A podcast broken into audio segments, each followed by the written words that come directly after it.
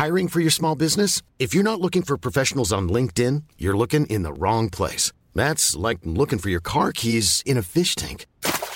LinkedIn helps you hire professionals you can't find anywhere else, even those who aren't actively searching for a new job but might be open to the perfect role. In a given month, over 70% of LinkedIn users don't even visit other leading job sites. So start looking in the right place. With LinkedIn, you can hire professionals like a professional. Post your free job on linkedin.com slash people today. Everyone knows therapy is great for solving problems, but getting therapy has its own problems too, like finding the right therapist, fitting into their schedule, and of course, the cost. Well, BetterHelp can solve those problems. It's totally online and built around your schedule. It's surprisingly affordable too. Connect with a credentialed therapist by phone, video, or online chat, all from the comfort of your home. Visit betterhelp.com to learn more and save 10% on your first month. That's BetterHelp, H E L P. Since 2013, Bombas has donated over 100 million socks, underwear, and t shirts to those facing homelessness.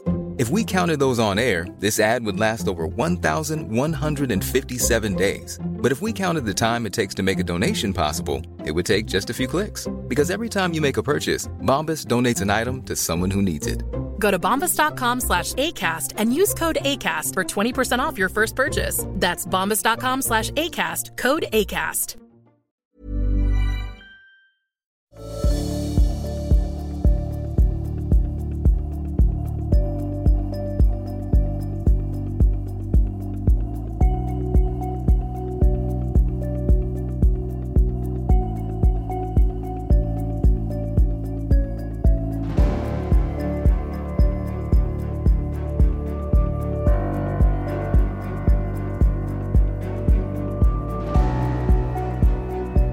Du lyssnar på podcasten Samtal, en podcast med fokus på fria samtal.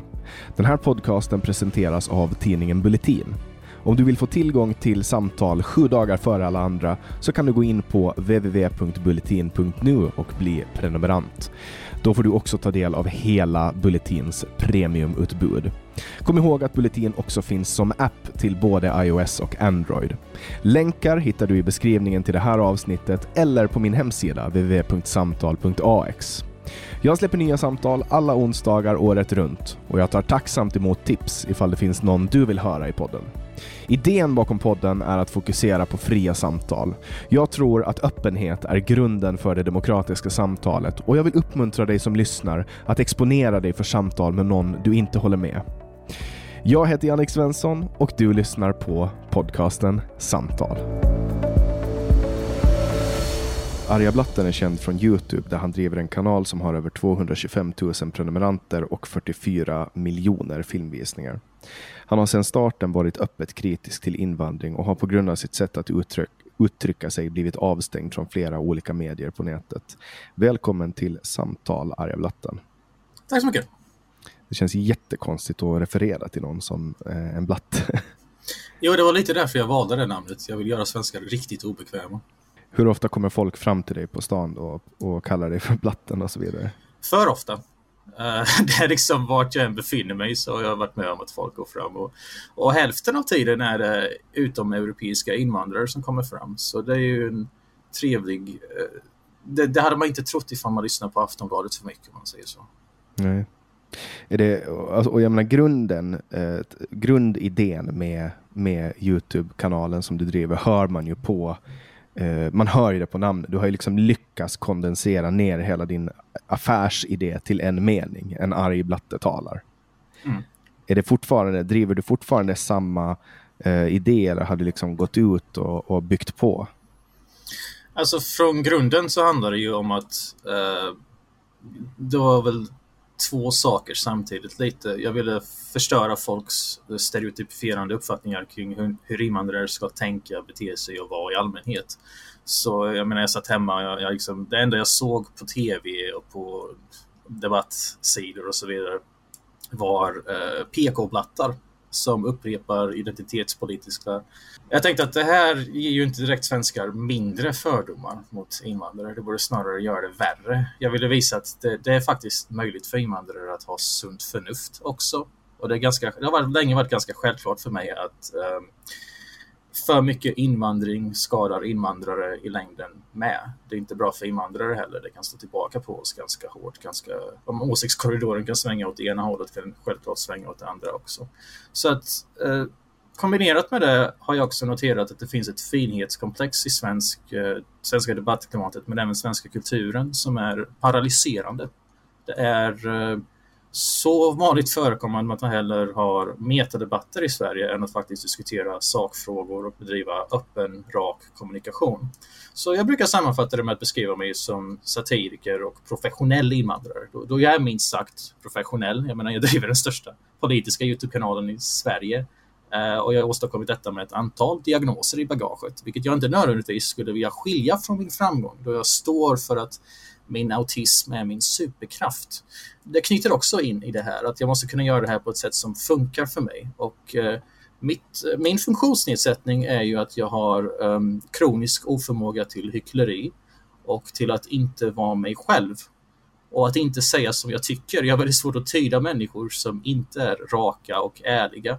Och jag tror att när det kommer till självaste samhällsdebatten så tror jag att svenskar kan lära sig någonting av det här. Du har ju uppfunnit begreppet autist-Buddha som jag hör eh, i stigande grad ute i samhället och som för en människa som inte har hört det är ganska... Alltså man förstår intuitivt vad en autist-Buddha är för någonting. kan du berätta vad är en autist-Buddha för de som, för de som inte förstår? Ja, det kom till som en... Ehm, jag, jag brukar göra så lite rose av kändisar och sen brukar jag svara på näthatet från den kändisens eh, följarbas. Och då var det en kille som, eh, som blev attackerad av ett gäng feminister och han uppförde sig så exemplariskt och så väl att jag bestämde mig för att ge honom en stämpel. Och den stämpeln blev då autistbuddhan. Det är liksom den här mannen som klarar av att vända på varenda ord föra, här, föra en stabil argumentation när det stormar och hålla sig till, till fakta, rationalitet och sunt förnuft. Även när andra står och gapar och skriker. Inte minst för att det provocerar dem ännu mer då. Så att eh, det, det, var lite så här, jag ville särskilja följare som inte fattar grejen från följare som faktiskt fattar grejen. Och grejen är ju att eh, ja, jag uppför mig kanske på ett visst sätt när jag opinionsbildar och så vidare, men det är ju för att jag sysslar med infotainment. Jag sysslar ju med satir och eh, kulturjournalistik eh, kan man säga. Så att, um, så att jag vill inte liksom att folk ska tro att man borde borde bete sig som vad jag gör när man befinner sig i en debatt eller när man är på Youtube. Alltså, jag, jag fattar att man måste liksom skilja på hur man argumenterar med människor i praktiken, i klassrummet, på arbetsplatsen och vad jag gör på Youtube. Det är inte meningen att du ska skämta för mycket i en debatt exempelvis. Och där är autist-Buddha-idealet eller? Det är ett ideal för eh, vita män, unga vita män och egentligen män i allmänhet, män som inte är vänster, män som inte är feminister. Män Men en, som... en kvinna borde ju kunna vara autist-Buddha också. Ja, absolut det, det, är vanligare att män har autism än kvinnor. Så det kanske inte är lika vanligt med kvinnor som är autistbuddor. Mm. Men det är helt klart möjligt. Är det. För jag, jag tycker att, att autistbuddha går att applicera på, alltså min, min uppfattning av ordet autistbuddha, så är det ju när man skickar ut ett ord, att människor definierar det själv. Och, och som jag definierar autistbuddha så är det en, en person som förstår att människan som pratar med en styrs av sina känslor och att det inte är deras fel. Um, och att det lönar sig inte att, uh, att gå på deras maktmetoder, deras angrepp. Uh, och, och, det lönar sig inte att gå i fällorna som de ständigt gillrar. Uh, utan det enda som biter är att man eh, argumenterar enligt en regelbok som följer en väldigt tydlig linje i hur man lägger upp sitt argument och hur man hänvisar till fakta och så vidare. Och allt annat är helt oväsentligt. Deras angrepp är helt oväsentliga. Är det, är det en korrekt beskrivning? Eh, jag skulle säga att du, du gav ett bättre svar än vad jag gjorde faktiskt. Det där är precis vad en autism är för någonting. Det där det är att kunna vara lugn när det stormar och det är liksom att kunna, att kunna vända logiken på sin spets på ett sätt som är harmlöst men ändå kränkande just för att du inte spelar med i det. Och det är, det är då folk blir kränkta, när du inte spelar med i deras makttaktiker, deras härskartekniker, deras försök till att uh, känslomässigt utpressa dig till att tycka på ett visst sätt. Det är en, uh, eh, den blindhet för sociala normer och sociala hintar och sociala koder som är beundransvärd snarare än ett funktionshinder skulle jag säga. Mm. Och det här, det här Alltså jag har återkommit till det i båda mina poddar, det här exemplet så många gånger. Därför att det här är, jag tror att det här är svensk journalistik på sin peak. När den är som absolut bäst. Eh, och det här säger jag med en viss mått av ironi. Det är alltså när SVT intervjuar Joakim Ruist. Exakt, här, exakt. Det, här... det är ett så bra exempel på det. om den här rapporten och han står där och du kan se liksom en lila orange aura sväva runt honom och det är nästan som att man, du kan se honom i de här munkkläderna. Han, han, är liksom Mahatma Gandhi själv när han sitter och försöker försvara sig mot den här journalisten som har suttit i något briefing room med Jan Helin och, och alla som bara har skickat ut och, och bara gå ut och, och liksom sprid den här bilden nu att invandring är eh, bra och, och liksom håll det här. Eh, det är bara en forskare ni pratar med nu. Han, han, kommer inte att kunna... Alltså det viktiga är att ni signalerar till lyssnarna att, att det här är någonting, att vi, vi står här, liksom godhet, ideal. Och så bara står han där och är helt oförstående och vägrar spela hennes spel. Det var en plågsam uppvisning av uh, fakta och forskning möter känslojournalistik var det. Eh, det var, det var riktigt pinsamt. Det måste ju liksom gå ner i, i svensk mediahistoria som den mest obekväma intervjun någonsin, tror jag faktiskt. Ett annat bra exempel på det där är ju Per Ström. Per Ström var ju för, eh, för faktaorienterad för sitt eget bästa och det slutade med att åsiktskorridoren bestraffade honom så hårt att han lämnade samhällsdebatten. Ett eh, bra tag. Han gjorde lite av någon halv comeback för ett tag sedan, men jag har fortfarande inte sett honom göra en full comeback eller ens prata så mycket om dem på sättet som han brukade liksom framtona sig i debatten. Så det, det, är ju en, en ganska fruktansvärd, och det här är ju någonting som folk inte förstår med god ton och hela den här eh, uh, finhetskomplexet i samhällsdebatten är ju att jag har länge noterat, även innan jag började med Youtube, att det spelar ingen roll hur fint du pratar. Det spelar ingen roll hur snällt och uh, nyanserat och fint tillrättalagt du framför dina poänger. För hela vänsterns poäng är att vissa saker ska du helt, inte säga, helt, helt enkelt inte säga som går emot deras narrativ. Man såg ju det här tydligt med Mauricio Rojas exempelvis. Han snackar ju liksom självklarheter, saker som mainstream-medier idag har inga problem med att erkänna, sa han för många år sedan. Och det fick han betala ett stort pris för. Och det har varit många sådana som, som har gjort det. Um, tar man ett, exempel, ett exempel är ju Jimmy Åkesson. Jag tycker att han har eh, troligtvis den finaste tonen av alla svenska politiker. Oavsett vad man tycker om hans åsikter om hans parti så har han ju ett väldigt eh, snällt och svenskt och lågmält sätt att uttrycka sig på. Och det har ju inte direkt gjort någon skillnad. Det, det, spelar ingen roll hur du säger det du säger, för hela poängen är att du inte ska säga vissa saker. Och då tänker jag att min vulgaritetsfilosofi är mer effektiv. För att då kan man åtminstone locka fram mer hysteriska reaktioner som visar att eh, de här människorna kan ju inte ens ta ett jävla skämt. Du har dragit av ett av de bästa stunten jag någonsin har sett och det var när du satt på en scen live med Gudrun Schyman som inte hade någon aning om vem du var och så pratade du om en anal prolapse. Eh, kan du inte berätta lite om det?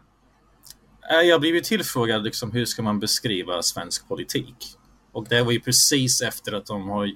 Precis efter vi haft en löjlig icke-kris i flera månader där politikerna och eh, de samlade partierna var tvungna att sitta och liksom fika i x antal månader innan de bestämde sig för att ja, men vi kör en decemberuppgörelse igen.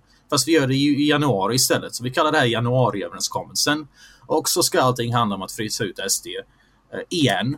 Trots att alla partier som närvarade gick till val på att sno SDs politik som vallöften. Moderaterna såväl som Socialdemokraterna gick, eh, stod i flera punkter som vallöften. Och det var hela det var ganska tydligt för mig då är att åsiktskorridoren hade raserat. Eh, vid det här laget så hade flera mainstream-medier, Expressen, Aftonbladet, SVT gått ut och erkänt klassiska eh, sådana ståndpunkter som att det finns en konflikt mellan för stor invandring och välfärdsstaten och det finns även det finns även en överrepresentation i sexbrott och våldsbrott som är påtaglig.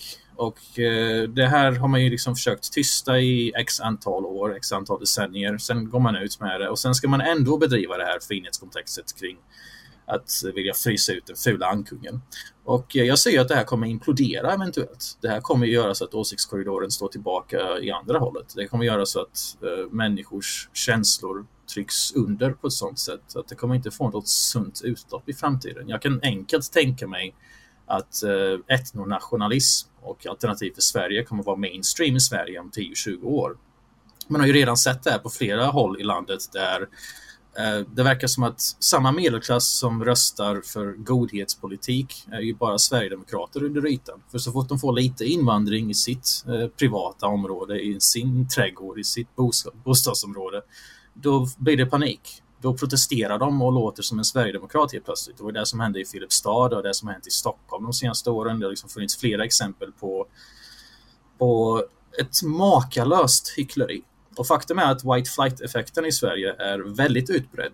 Det krävs bara 4% icke-vita i ett bostadsområde innan svenskar börjar flytta därifrån och det är högutbildade och eh, högavlönade som flyttar högst. Det vill säga samma människor som gör narr av SDs väljarbas för att de är lågutbildade bönder. Eh, det är de människorna som vill ha det här, men de vill bara ha det som ett jävla varumärke. De vill inte ha det som en livsstil och de är inte villiga att faktiskt umgås med invandrare i praktiken. Så att jag ser på lång sikt att det här är ju klassiska mönstret av vad de, i, psykologin när man talar om repression. Eh, alltså det här beteendet av att trycka undan tankar och känslor och allt som är fult och svepa under mattan och, och försöka avlägsna sig så mycket som det går från självkännedom att man i slutändan skapar psykiska störningar på det här sättet. Det är vad svenskarna håller på med kollektivt. Och det kommer bli ett jävla... En, ett, det kommer bli en ändtarm som hamnar ut ur rövhålet. För det är så groteskt man kan beskriva fenomenet när det väl slår in. Men jag har ofta haft det här problemet att eh, jag, jag brukar ligga före min tid. Eh, kan vi bara gå till reaktionen? För att det var ju det här du använde, det här uttrycket, när du satt där med Gudrun Schyman och sen fick du liksom förklara det för henne också. Jag tror inte att någon var beredd på att du skulle använda sådär grova ord. Alltså du kommer ju liksom från de absolut mörkaste delarna av internet och hon kommer från någon form av etablissemang. Eh, jag var inte beredd på att folk skulle reagera som de gjorde heller. För mig är det inte direkt något anmärkningsvärt sätt att tala på. Alltså det här är ju sättet slaver talar på i princip. Det här är sättet... Det här är mitt kulturarv.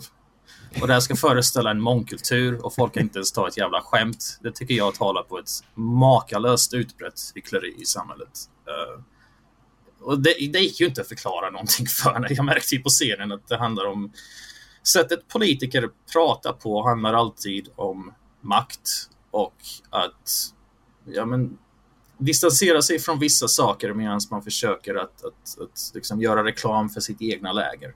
Man pratar gärna om sitt egna specifika politik som någonting för människor i allmänhet. Man pratar gärna om liksom Ja, men jag märkte exempelvis att hennes retorik mest gick ut på att folk måste gå ut och demonstrera mot högern för att rädda demokratin det var ju så jag liksom tolkade hennes budskap bortom de fina orden. Och, och det märkte jag inte att det tror jag inte folk fattar i allmänhet.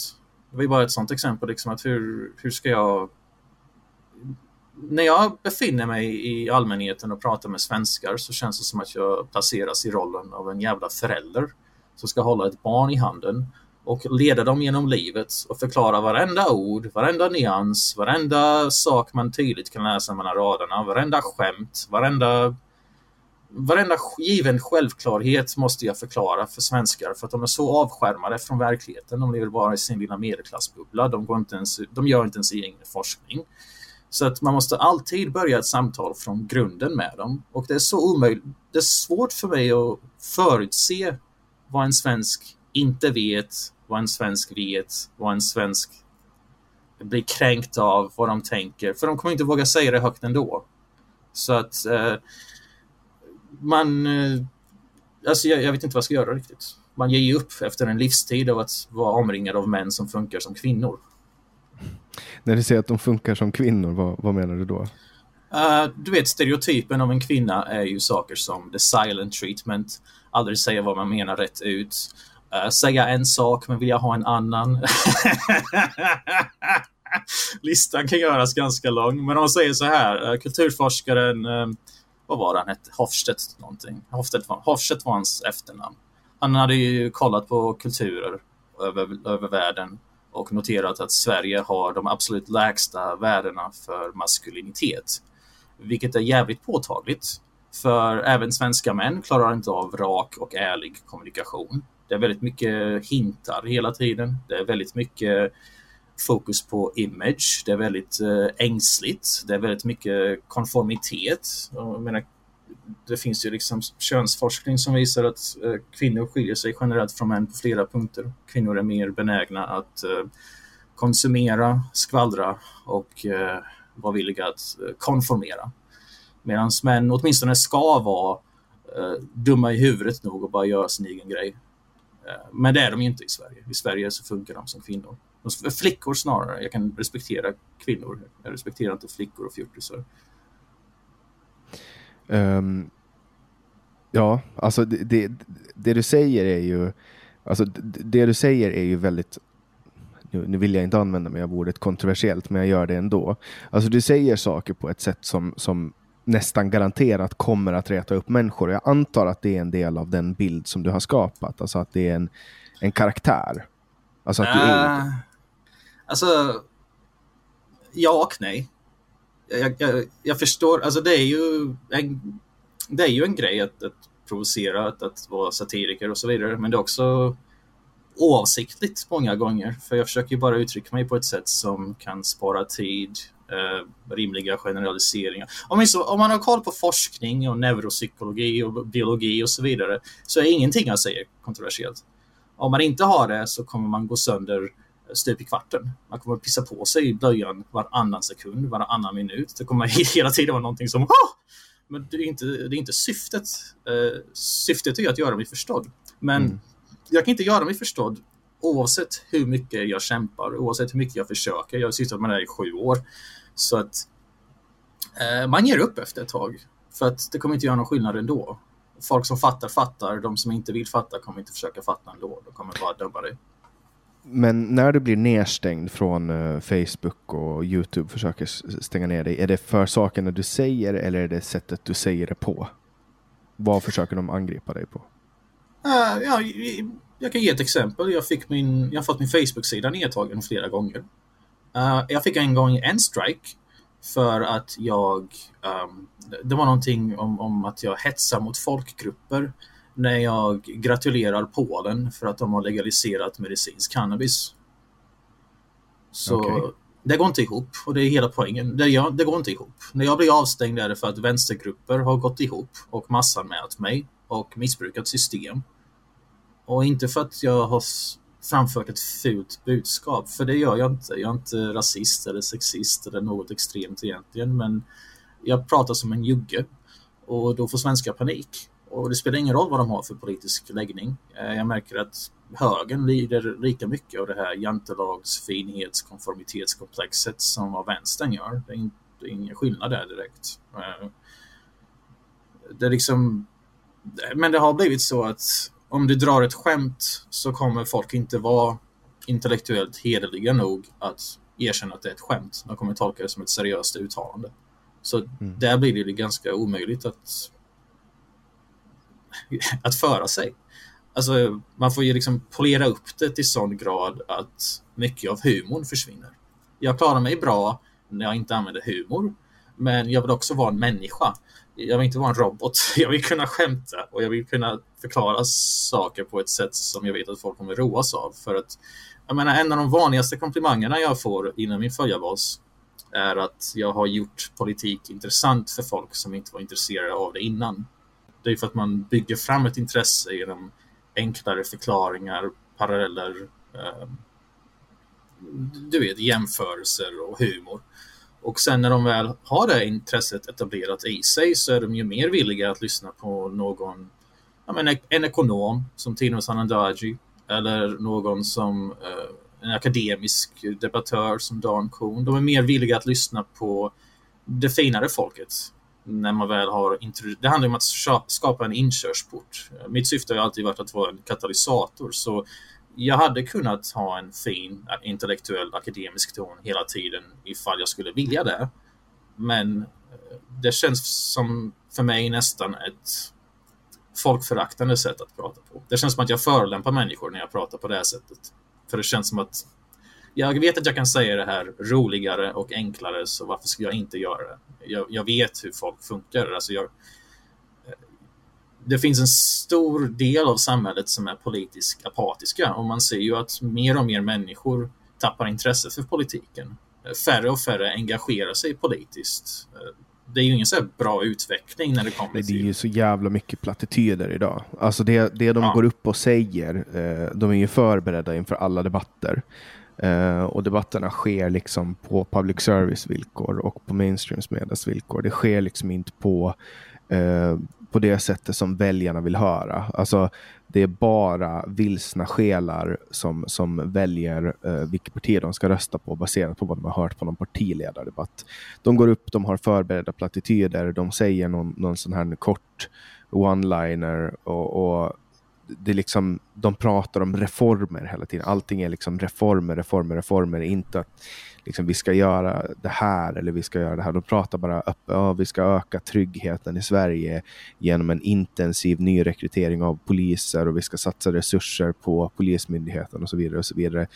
Eh, du, du, förstår vad jag menar, det här med plattitydmässig politik. Jag vet precis vad du menar. Det är, det är ett det är en katastrof och jag tror inte ens folk inser det. Det är så isolerande. Det, det, är så avskärmande. Det är ett sånt elitistiskt sätt att föra sig på. Att, att det avskärmar människor från att vilja engagera sig i demokratin. Dels så förstår de inte någonting som sägs, för att det finns ju inget värde i det som sägs. Det är ju aldrig någonting, ett rakt budskap, ett tydligt budskap. Och dels så finns det inget ansvar i längden. Alltså, de kan säga en sak, men de följer ju knappast upp det. Det är ju fina plattityder hela tiden. Sen skyller de på varandra, sen glömmer folk bort det. Sen kommer nästa stora skandal upp och så upprepas processen i all oändlighet. Och det är därför man, man ser flera liksom, nya små partier startas som faktiskt växer i växer i stadig takt för att folk är trötta på det här och de kommer bli väldigt tröttare och det, det urholkar förtroendet för demokratin i längden.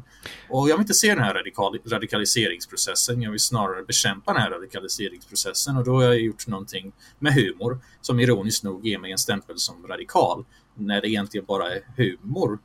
Eh, men det här knyter också an till den debatten du, du lyfte där med Gudrun Schyman är ju att eh, jag förstår ju det här, jag ser vad som händer och jag, jag har svårt att respektera debatter som fenomen. Jag tycker inte man lär sig något av debatter. Man lär sig av att läsa och studera. I en debatt är ju människor ute efter att säga eh, det är manipulation. Alltså folk är ute efter att säga det som låter bäst och det som framstår bra kontextet. Men går man tillbaka och verkligen analyserar saker finner man ofta att det är väldigt många frågor som går obesvarade. Många, många frågor som hade kunnat ställas som inte ställs och, och liknande saker som bara, bara gör det tydligt att en, en debatt är en uh, intellektuell kukmätartävling.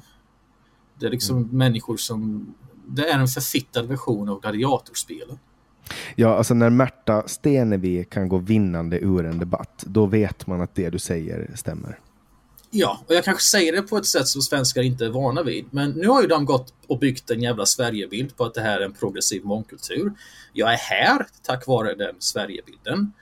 Och eh, de får faktiskt finna sig i att eh, lite mångfald helt enkelt. Det är det jag försöker skapa här. Jag försöker introducera lite mångfald till samhällsdebatten. Och jag har bara blivit stämplad som extremist. Det är ju ganska tydligt då att svenskar saknar ett sinne för humor. Ja, men jag, jag, jag har för mig att jag har hört någon gång att du också är öppet bisexuell. Eh, och att därför det inte går att angripa dig för det. Ja. Men var, var, var, kommer det ifrån? Är det bara motståndare som har varit elaka? Då? Nej, nej, jag tror att... Alltså jag har gjort en video om uh, homosexualitet och varför det är helt absurt att säga att homosexualitet är onaturligt. För det är lika onaturligt som att använda kondomer, eller att tjejer rakar benen, eller att liksom, tjejer använder smink. Du vet, allting som gör, eller silikonpattar. Allting som gör tjejer sexigare, mer attraktiva är lika onaturligt som homosexualitet. För det är ju inte producerat i naturen, så att säga. Men uh, det är ändå så här. Jag har, jag har alltid stört mig på homofobi just för att det är en sån där ja, men om man kollar så här, du vet, um, det är ett överkompensationsbeteende som uh, mansstereotyper ofta sysslar med. Sådana där uh, bandy kuken-killar, du vet. Om en, om en kille går och skaffar en stor tribal på armen, då, då vet du att han säkert sysslar med det här beteendet. Det är liksom... Fan vad du knyter stereotypen. Du är en jävla stereotyp... Vad heter det? Destruktiva macho-stereotyper. Ja, precis. Uh, jag har alltid stört mig på sådana för de är, de är fjolliga, de är osäkra, de är eh, destruktiva, de är roliga av alla de anledningarna. Om man ser att vänstern gör samma sak med invandrare och godhet och, alltså det är konstant överkompensation. Det är liksom vänstern som röstar för massinvandring och mångkultur vågar inte umgås med invandrare. Det är ju samma skit. Så jag har alltid försökt göra narr av, av båda läger lika mycket. Um, och jag, jag gillar gärna att sprida rykten om mig själv, för det gör ju att uh, det är gratis marknadsföring. Det är ju mm. att folk fortsätter prata om dig. Så att du, lever i deras huvud utan att ens veta vilka de är. Uh, det är underhållande för mig. Uh, men nej, jag, jag, är ganska hetero. Okay. Ja, men för det, det, är en av de sakerna som jag har hört folk uh, säga om dig, att du är, att du är bisexuell. det glädjer mig. Sen kommer jag ihåg också, alltså det här måste ha varit det måste ha varit precis när jag flyttade till Stockholm, så runt 2016. Du startade din kanal, den var ganska nystartad då va? Ja, jag, hade, jag började 2014. Mm. Och då kommer, då kommer jag ihåg att folk sänkte rösten när de pratade om, uh, om hade hört det, arga blatten. Att han är så här. Och då fick jag lite känslan av att det var någon form av, du vet, ja, men någon nynazist eller något sånt som man absolut inte fick ha att göra med. En eh, bisexuell nynazist som är invandrare. Ja, det låter eh, rimligt. ja, de där, de där eh, bisexuella. Men sen också när jag, och det här var faktiskt, nu när jag tänker på det, det var en av anledningarna att jag startade den här podden var eh, våren, samma vår eller tidig vinter när den här podden startade för två år sedan, så det måste ha varit 2019. Eh, då eh, skickade jag det här avsnittet eh, som du hade spelat in med Navid Modiri. Du var ganska tidigt i hans podd, Who Can Me? Då mm. skickade jag, jag, kom, jag utmanade en sosse som jag hamnade i konflikt med debatt på Facebook att lyssna på det. Och han vägrade till en början. Men jag hänvisade till att han påstod att han var öppensinnig. Och då fick jag honom att lyssna på, på avsnittet med dig och så ska han komma med så sa jag, men lyssna efter de goda poängerna. Lyssna inte efter de dåliga, lyssna efter de goda. Uh, och han sa att det fanns inga goda poänger. Du hade inte en enda bra poäng på två timmar. det är lite roligt. Ja. Uh, det där är ju väldigt vanligt. att uh, det, det, är lite så här, lite tröttsamt. Det, det är så många menar, så stora youtubers, kändisar, politiker, även journalister tror jag det är som gillar det jag gör. Jag gillar mig jättemycket, men aldrig skulle våga säga det högt. Och Det är ganska löjligt helt enkelt. Jag förstår att det är en del av den här um, modellen jag har skapat av, liksom, av konstant dubbelspel. Man vet aldrig vad man har mig om jag är det ena eller det andra. Det liksom skapar ju intresse. Jag vet hur man skapar engagemang. Liksom, så det, det, är lite vad det handlar om. Men det är samtidigt så här, hur jävla fjollig är du egentligen? Klarar du inte ens av att säga att du liksom, jag håller inte med allt, men jag gillar det här. Klarar du inte ens av att säga liksom att du är underhålld av en knäppgök? Det är lite så här, det, det, är weird för mig. Det är därför jag säger att, att, att, att svenskar med är riktigt fjolliga. Riktigt ja, där, jävla osäkra. Det där är ju som att säga att jag menar, Hitler hade ju många goda poänger. Han var, han var vegetarian, vilket är bra för magen och djuren. Eh, och han var emot rökning, vilket också är bra för hälsan och, du vet, och så. Och, och, det, är ju, alltså, det är ju inte kontroversiellt att säga det, för att folk förstår när man tar det till extremer, så förstår folk liksom att det, fin- det är en skillnad på att tycka att någon har en bra poäng och att, att dela deras partibok. Eh, men i ditt fall så räcker det med att man eh, att det kommer upp som förslag på Youtube för att man ska vara en dödsknarkarnazist. Mm. Mm. Ja, jo. Ja. Hur många, får du statistik på hur många kvinnor som tittar på din kanal? Jag tror det var eh, 2 eller 5 och, det, och det är fler kvinnor i 80-årsåldern än vad det är i tonårsåldern. Alltså, jag, jag vet en Det har förnyat mitt intresse för stödstrumpeporr om man säger så. Herregud. Alltså, jag, jag, jag vet en kvinna som kollar på dina videos. Ja. Och, och, baserat på det så, så, vet jag att det är ganska få eh, kvinnor. Alltså kan, man kan bara, sen har jag jobbat också med marknadsföring och du vet, man gör mycket analys, man kollar på innehållet, man kollar på demografi, eh, kvinnor kontra män och så vidare. Men, men det är exceptionellt låga siffror. Alltså. Som vi Mm, pratar om ja, i det ditt det. fall. Men sen är ju Och Youtube det- också en plattform där det befinner sig må- mång- många män, mer män. Vi ska komma ihåg det. Nej, det är inte fler kvinnor än män på Youtube. Alltså, Nej men alltså det är mer män än kvinnor. Ha, jag har för mig att det var motsatsen. Ja, men det det jag tänkte säga var i alla fall att eh, det här är ju lite den kvinnostereotypen jag pratade om innan. Att eh, det finns skillnader mellan kvinnor och män. Eh, maskulin kommunikationsfilosofi är eh, brutal. Det är rakhet. Eh, Gå till en byggplats helt enkelt. Gå till en industri så vet du hur män pratar med varandra. Det är väldigt eh, rått. Man roastar varandra och man bryr sig om vad som är logiskt och vad som är faktaenligt. Eh, Kvinnor bryr sig om ytor och eh, snygga saker. och och eh, det finns liksom... Jag, jag märker ju att br- många brudar inte klarar av att tolka mig. Ja, och när du pratar om kvinnor och män, då pratar du om kvinnor och män på gruppnivå. Alltså tar Ja, vi då till exempel, du kan inte applicera det du just sa på till exempel Feministiskt initiativs regionkongress eller någonting sånt. Därför att där kommer Nej, det vara nej. helt andra saker de är intresserade av. Jag har ju en hel del kvinnor i min följarbas också. Och man märker ju att de är mer eh, manligt sinnade om man säger så. Ehm, men det, det, om man säger så här, de flesta som kollar på sminkbloggar är ju kvinnor. De flesta som kollar på, vad var det? Det, det finns statistik på det här att majoriteten av konsumtion drivs av kvinnor. Uh, att, att liksom det finns olika intresseområden och kvinnor är vänster i högre grad än vad män är. Sådana där saker. Kvinnor är mer, alltså det, det knyter ju an till att män är mer intresserade av att bygga, utforska, skapa, erövra medan kvinnor är mer intresserade av att uh, ta hand om, livnära. Och när de inbillar sig motsatsen som feminister gör så slutar det bara med att de blir crazy cat ladies eller att deras ägg torkar ut, att de dör olyckliga. Uh, och det är bara, det är bara ro, skratta åt det. Liksom. Det blir ju så här karma som spelar ut sig med tiden. Men uh, jag tror att det finns ett värde i traditionella könsroller av en anledning. Och det är mitt muslimska kulturarv vi pratar om här. Så att i, ingen kan kalla mig sexist. För det, det, vore, det vore hetsigt mot folkgrupp, du vet. Mu- Muslimska kulturarv. Ja, jag är bosnisk muslim i, i grunden. Okej, Eh, det hade jag ingen aning om.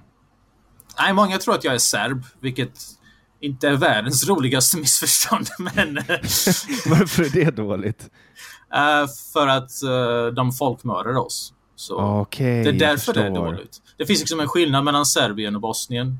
Vilket är att de startade ett krig och folkmördade och satte oss i våldtäktsläger. Medan vi mest eh, satt där utan vapen. Vi hade inga vapen tyvärr. Det var ju som det blev.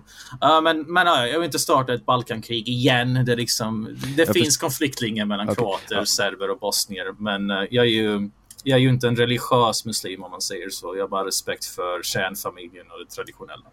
Min enda kunskap om det här är egentligen eh, mitt favorit, ett av mina favoritkonton på eh, Instagram som heter Squatting Slabs in Tracksuits. Följer du? Mm. Nej, jag känner inte till det. Det är ett av de bästa Instagram. Jag känner till fenomenet, men inte det specifika kontot om man säger så. Mm. Nej men det, är- jag tycker det är, det är mycket, mycket träffande. Mycket babushka-memes och sånt. Men tänk dig att eh, inte kunna skillnaden på ukrainare och ryssar. Det är då man får liksom så här lite förståelsen av varför det är eh, inte världens roligaste grej. Det är typ som inte kunna skillnaden på kineser och japaner, trots att även de har historia av Men vad då båda är gula har sneda ögon och man hör inte vad de säger. Det är väl inget Ja. konstigt? Precis, det är så folk tänker. Båda är ju vita. Ja. Vad är det för skillnad på er? Ni är ju jugoslaver allihopa. Ja. Eh, nej men det där är ju, och det, vis, det är ju också okunskap, men sen samtidigt, Eh, folk, folk vet ju inte, alltså det finns ju folk på riktigt. Jag, jag pratade om det här bara för någon vecka sedan någonstans. Nu har jag, jag har flera poddar som jag pratar i, så jag vet aldrig var jag har sagt någonting. Och sen pratar jag på radio också. Men när, när det var hundra år sedan Titanic sjönk, vilket tror det har varit typ 2012 eller någonting, då var det jättemånga människor som trodde att Titanic bara var en film. Åh herregud. Och de människorna går ju runt bland oss och rör sig bland oss och har jobb och är utbildade ekonomer och har liksom är kompetenta nog för att få körkort och sådana grejer. Det är skrämmande det. Ja, De finns. Eh, Men eh, de lever i en bubbla liksom. Mm. Ja, jag har märkt att eh, svensk, bubblamentaliteten är ett väldigt svenskt fenomen. Om det inte händer dig så har det liksom aldrig hänt. En av de vanligaste motargumenten jag fått sedan jag började göra videor är att jag har aldrig varit med om det där. Det är för fan inte det som är poängen heller när man snackar om generella samhällsmönster och liksom bredare problematiklager och sådana där grejer. Det, det, jag har också märkt att eh, svenskar överlag inte kan skillnaden på Bosnien och Serbien. Trots att de tog in typ 80 000 av oss. Vilket mm. talar lite för problematiken med invandringen är att uh, de kan inte skilja invandrare från invandrare. Men all, invandrare, all invandring är jättebra och har inga problem. Tog man alltså in folk från båda sidor av kriget och satt dem på samma ställe? Ja, det, det, gör de ju än idag. De tar ju in både Islamiska staten och deras offer. Alltså det är så bisarrt så att man får en reaktion att skratta, men eftersom jag är rumsren så hindrar jag den. Men eftersom ja. jag nu sitter med dig så säger jag det istället. Ja, men det, det är kul att du sa det, för den här öppenheten är också en, eh, en effekt jag har på min publik. Jag får liksom, när jag får fanmail så är det människor som i huvudsak säger att jag har gjort dem mer individuella. Eh, mindre benägna att bedriva en gruppmentalitet. Mer, det handlar inte så mycket om att få någon att rösta på SD eller rösta på Vänsterpartiet eller whatever. Det inte, spelar ingen roll vad de röstar på för jag, jag har en mycket blandad publik av alla olika politiska läger. Uh, huvudgrejen de får av det är att de kan äntligen slappna av och tillåta sig själva att tänka lite djupare just för att de är avslappnade, just för att de inte stirrar sig blinda på vad som är fint och fult. Och det är det som är den intellektuella aktiviteten kräver ju att man har en viss mån av nihilism när man utforskar det mentala planet. Liksom. Att, man, att man lägger moralen åt sidan och undersöker lite grann. Det är eh, viktigt, det är det, om man ska kunna liksom hitta sig själv i någon mån. Så att om det är något jag får så är det den responsen. Har du sett det här South Park-avsnittet där de ska recensera The Catcher in the Rye? Eh, mm. Den här boken som Mark David Chapman läste innan han sköt John Lennon. Eh, och Cartman och, och, Kyle tycker att det är Alltså det, är en så, det är en så tråkig bok att de vill skriva en bättre bok själva. Så de, de går hem och skriver en bok som heter Scroty McBuggerballs. Som är så äcklig så att varje gång en vuxen människa läser den så börjar de spy. jag vill skriva en sån bok. Ja, men jag tänker att det är lite så, det är lite så du är. Alltså när människor, när människor läser den så börjar de spy, men de tycker ändå om det. Eh, för det är det de gör i det här. Det är ett, jäk, det är ett riktigt, riktigt bra avsnitt. Eh, boken heter The Poop That Took a Pee. Nej, nej, nej, förlåt. Det, det är eh, uppföljningen sen. Den första heter nog bara Scrotum McBuggerballs. Men det är i alla fall en, en, jag tycker att det är ganska, alltså beskriver det ganska bra för att folk som, folk som kollar på dig blir eh, först, till, först så blir de skrämda av språket och retoriken du har. Eh, för att man är liksom programmerad till att tänka att oj, en människa som uttrycker sig så här eller ställer grupper mot varandra eller pratar om SD eller pratar om våldtäktsstatistik, de är farliga. Eh, och, och, då börjar man först spy. Men sen efter ett tag så inser man att shit, det här är ändå ganska, alltså för att jag kollar på dina videos och du har väldigt bra, alltså du har, för det första så följer du en väldigt konsekvent linje när det kommer till eh, att bygga upp dina argument och hur du redovisar dina källor. Du redovisar alltid dina källor. Man får visserligen trycka på space ganska snabbt för att kunna se källan, men och det här är, det är alltså en, en ganska, eh, nu säger jag ganska för att ingen är klanderfri, en ganska klanderfri eh, argumentation och en ganska klanderfri eh, källhänvisning också. Det är väldigt svårt att uppnå en hög nivå där, så att jag bara etablerade direkt. Uh, och, och, därför blev jag förvånad när jag började kolla på dina videos och såg att oj shit, det här var inte alls en, en person som är liksom ute efter att hänga judar i gatlyktor. som man får känslan av när man pratar med folk. Nej, jag är ju 4 jude. Så. Ja, det är ju, det är ju 4 procent. Men det, vad, vad var Hitlers eh, definition? Vad ska man vara 25 procent? Jag för mig det var 4 procent som räckte för att man skulle bli gasad. Var det så? Jag trodde det var 25 procent. Aha, nej, jag Men då är jag helt det där. Ja. ja eh, men det är okej, okay, 4 procent. Så du ska ha blivit gasad om du ska ha varit... Men det är roligt att du säger det, för det är också en vanlig... Eh, mina fanmail brukar börja med första gången jag såg det tyckte jag det var en efterbliven jävla rasist. Uh, så det är så det brukar börja. Och det är liksom en hjärntvätt som tas fram. Sen krasar den sönder. Och sen tillåts en mer mänsklig syn på tillvaron där man kanske kan utöva lite större tålamod, lite mindre fördomar, faktiskt försöka ta in vad folk säger. Det är ju hela syftet med det jag gör. Det är ju en genomtänkt taktik. Det är ju liksom att försöka göra folk mer toleranta, mindre klassförakt. Vilket det är. Alltså det är bara ett eh, politiskt korrekt överklassinavel, hela den här... Alltså, det är absurt att det finns så mycket fördomar i Sverige att det, det krävs väldigt lite för att, det, för att folk ska balla ur. Det krävs bara att man säger ProLabs på scen, eller att man har militärbyxor, eller att man... eh, utseende... Jag kan tänka mig att... eh, jag har förstått att det även drabbar icke-vita ganska rejält. Eh, om det räcker med min jävla klädstil eller mina jävla ordval för att folk ska balla ur jag tror fan att de inte reagerar jättebra på någons hudfärg alla gånger då heller. Det är ganska självklart. En av dina mest spelade videos är en eh, video där du pratar om Sverige som rape capital number one. Eh, där du Welcome ligger... to Sweden ja, den har ja. fyra miljoner visningar. Du ligger i skogen inom vit skjorta och pratar om att Sverige har en pandemi av våldtäkter. Eh, och således så blir du också anklagad för att eh, sprida en dålig bild av Sverige. Du är en dålig invandrare. Mm -hmm. Tycker du att, att det ligger någonting i det, att man ska vara tyst om att, att, eh, att det är på det här sättet? Uh, ju längre man är tyst om att det är på det här sättet, desto mer kommer människooffer att staplas på hög. Desto mer straffas arbetarklassen. Desto mer straffas kvinnor och svenskar och invandrare som tyvärr måste leva med att deras barn är utsatta på grund av att du har Alltså samma studier som fastställer invandrares överrepresentation i kriminalitet visar ju också att eh, över 95-99% av invandrare begår inga brott överhuvudtaget och invandrare är även överrepresenterade som brottsoffer. Så den här politiskt korrekta Sverigebilden skadar invandrare lika mycket som vad den skadar svenskar. Det handlar bara om människooffer. Det handlar bara om att man ska, man ska göra sig mån om en image på vanliga människors bekostnad. Så har jag ju förstått att svenskar har en besatthet av människooffer. Och det verkar som att de har ett hedniskt kulturarv mer än ett eh, kristet kulturarv. För de håller ju på med sån där människoofferskit som man ser i skräckfilmen Midsummer. Vad tänker du på då för de som inte har sett den? Uh, det är så... Hur, hur, ska man förklara det här?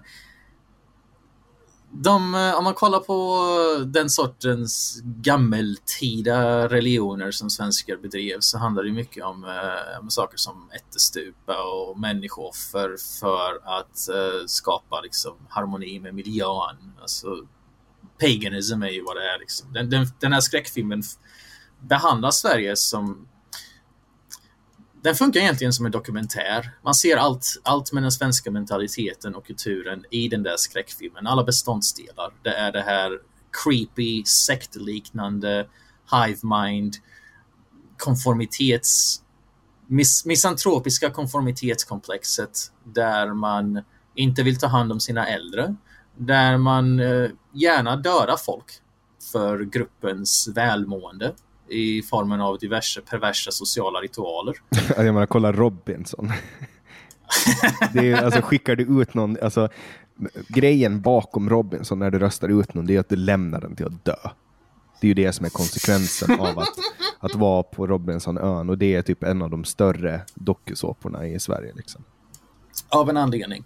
Men jag kollar också på coronastrategin och hur man var glad att döda massa pensionärer bara för att eh, man har det här märkliga... Alltså det här Sverigebilden går ju inte att frånskilja från svenskens självbild som en arisk supermänniska. Ett föregångsland som resten av hela världen måste dyrka, slicka röv på och se upp till. Den fantastiska Sverigebilden som är så före allting att man kommer lyckas med mångkulturen innan USA gör det till och med. Oj, oj, oj, kolla på det liksom. Det, det har alltid varit så. Det var så det var när de samarbetade med Hitler under andra världskriget. Då fanns det en annan definition av politisk korrekthet. Idag har vi den rådande definitionen av politisk korrekthet som snarare är raka motsatsen och då bedriver man människooffer med, sam med en annorlunda liksom, modell. Men det var ju samma sak på andra världskriget. Man, man förbjöd medier från att snacka skit om Hitler. Man satte en kommunist i fängelse, Ture Nurman, för att han drev eh, nazikritiska artiklar liksom, i sin tidning. Man eh, satte upp koncentrationsläger där man fängslade kommunister, anarkister och, och nazist, antinazister. Eh, och det är liksom, det är bara samma skit som upprepar sig med Sverigebilden om och om och om igen. Jag har aldrig det här, förstått. Men det här drivs ju, alltså jag har hört det från flera håll, att det här drivs från någon form av skuldkomplex. Att man, man är, och, och, och kollar man på Tyskland så är ju väldigt mycket i politiken väldigt liknande, också det politiska klimatet, alltså med den här extrema polariseringen. För att Sverige som ska vara ett så konformistiskt, konformistiskt och altruistiskt land är extremt splittrat och polariserat i samhällsdebatten, lite liknande som Tyskland. Och Tyskland och Sverige har ju gemensamt att de är de två nationerna i Europa som har släppt in mest invandrare eh, per capita. Och, och båda drivs av ett extremt stort skuldkomplex från andra världskriget. Uh, och mig veterligen så är det här bara en hypotes för att man kan inte bevisa sådana här kulturella fenomen vetenskapligt. Men det låter som en rätt rimlig hypotes i min värld. Jag har hört det där länge och jag brukade tänka det där länge innan jag insåg att det där är egentligen bara en del av elitismen. Alltså att man man har gjort det här fula, vidriga, hemska och istället för att ens våga stå vid det så ska man överkompensera och framställa sig själv som offer. För att man fortfarande är en narcissist, en kulturnarcissist. Man är fortfarande besatt av sin självbild och man låter fortfarande självbilden råda på vanligt folks bekostnad. Eh, folk har dött och fortsätter att dö på grund av den här politiken som förs. Det handlar inte om invandring. Det handlar om att politiker inte gör någonting för att skilja invandrare från invandrare så pass att man kan ta emot riktiga flyktingar och utvisa förövare. Men när man inte bryr sig om vanligt folk så kommer man inte ens göra den särskiljningen. Att, att kunna skilja en riktig flykting från någon som kommer hit för att våldta och bli kriminell.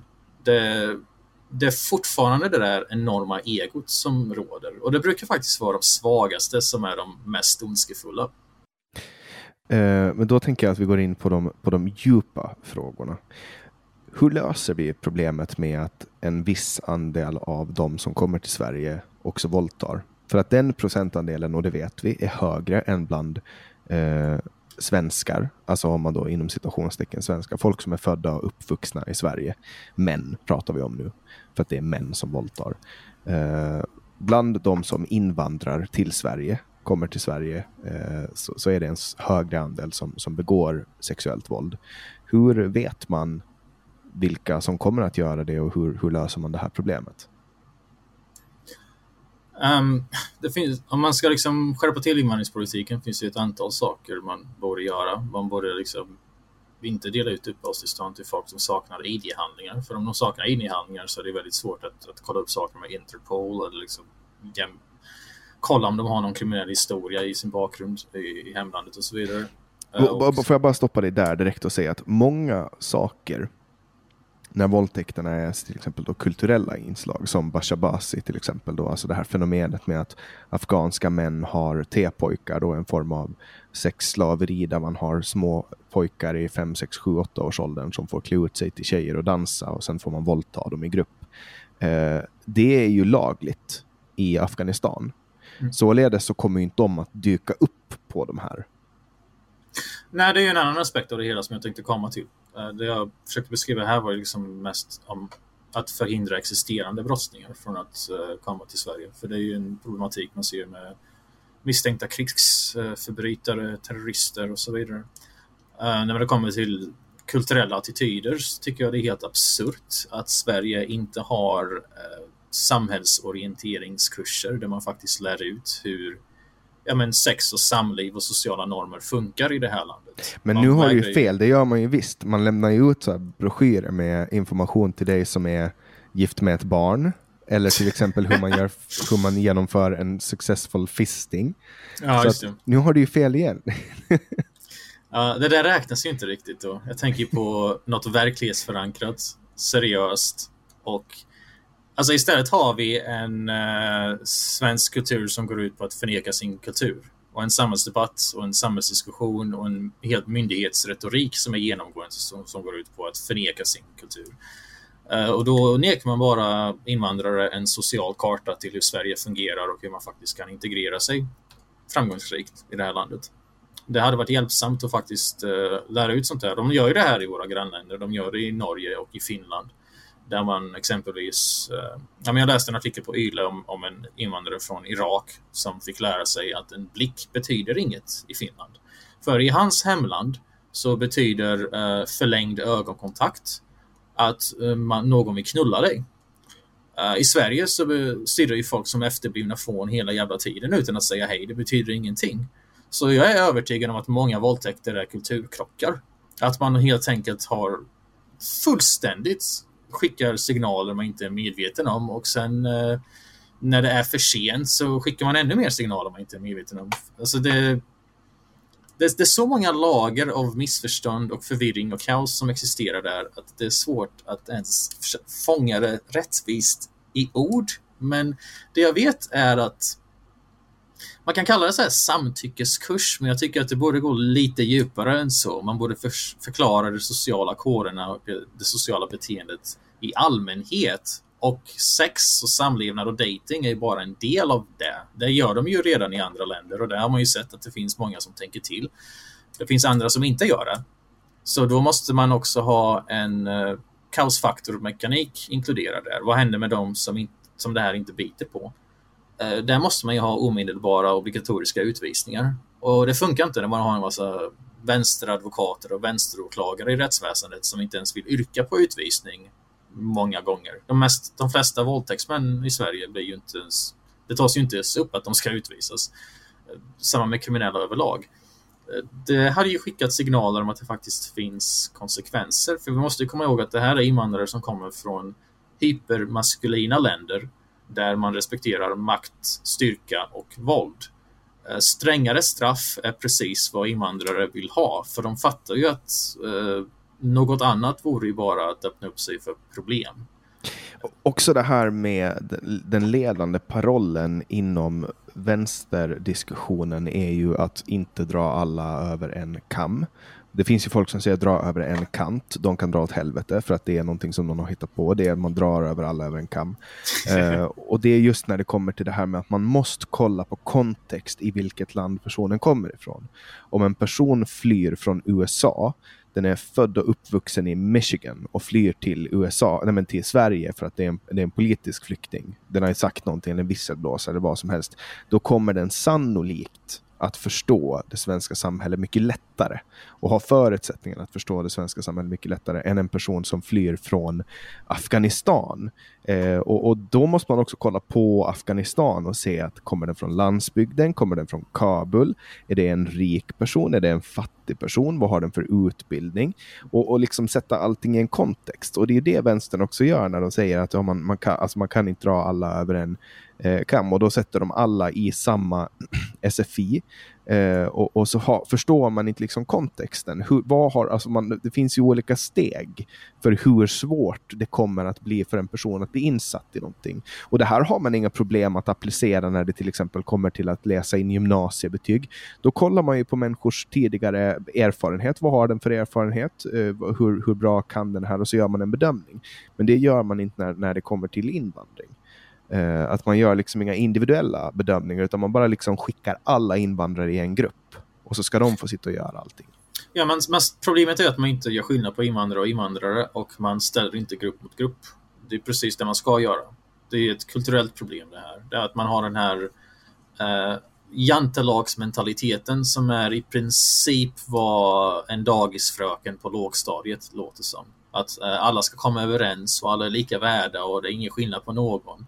Men det är faktiskt en jävla massa skillnader både på individnivå och gruppnivå folk emellan. Det är inte som att en amerikan behöver en eh, samtyckeskurs eller SFI direkt. SFI är dessutom skit. Man borde nästan överväga att lägga ner det så jävla kass som det är. Men eh, poängen är ju liksom att det, det är inte som att eh, kulturkrocken sker på kontinental nivå. Det sker med utomeuropeiska invandrare, främst från muslimska länder. Det sker inte med andra västerländska invandrare eller, eller med danskar och norrmän eller tyskar. Eh, visst finns det kulturskillnader där också, men man är åtminstone överens kring de mer större existentiella frågorna som syn på kvinnors rättigheter, demokrati och korruption och sådär. Eh, och hur stor roll religion ska spela i samhället. Jag tror att ifall svenskar hade haft en ärligare Sverigebild hade de inte ens haft så mycket invandring som de har. Tänk om de vågade eh, vara öppna med att i Sverige så får du kritisera religion.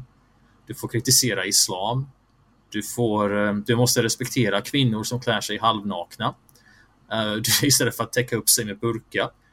Eh, det är liksom bara det. Bara en sån sak som att homosexualitet är lagligt här. Och man har ju sett i exempelvis, eh, jag tror det var London. I England har man ju sett att hälften av muslimerna där vill att homosexualitet ska göras olagligt.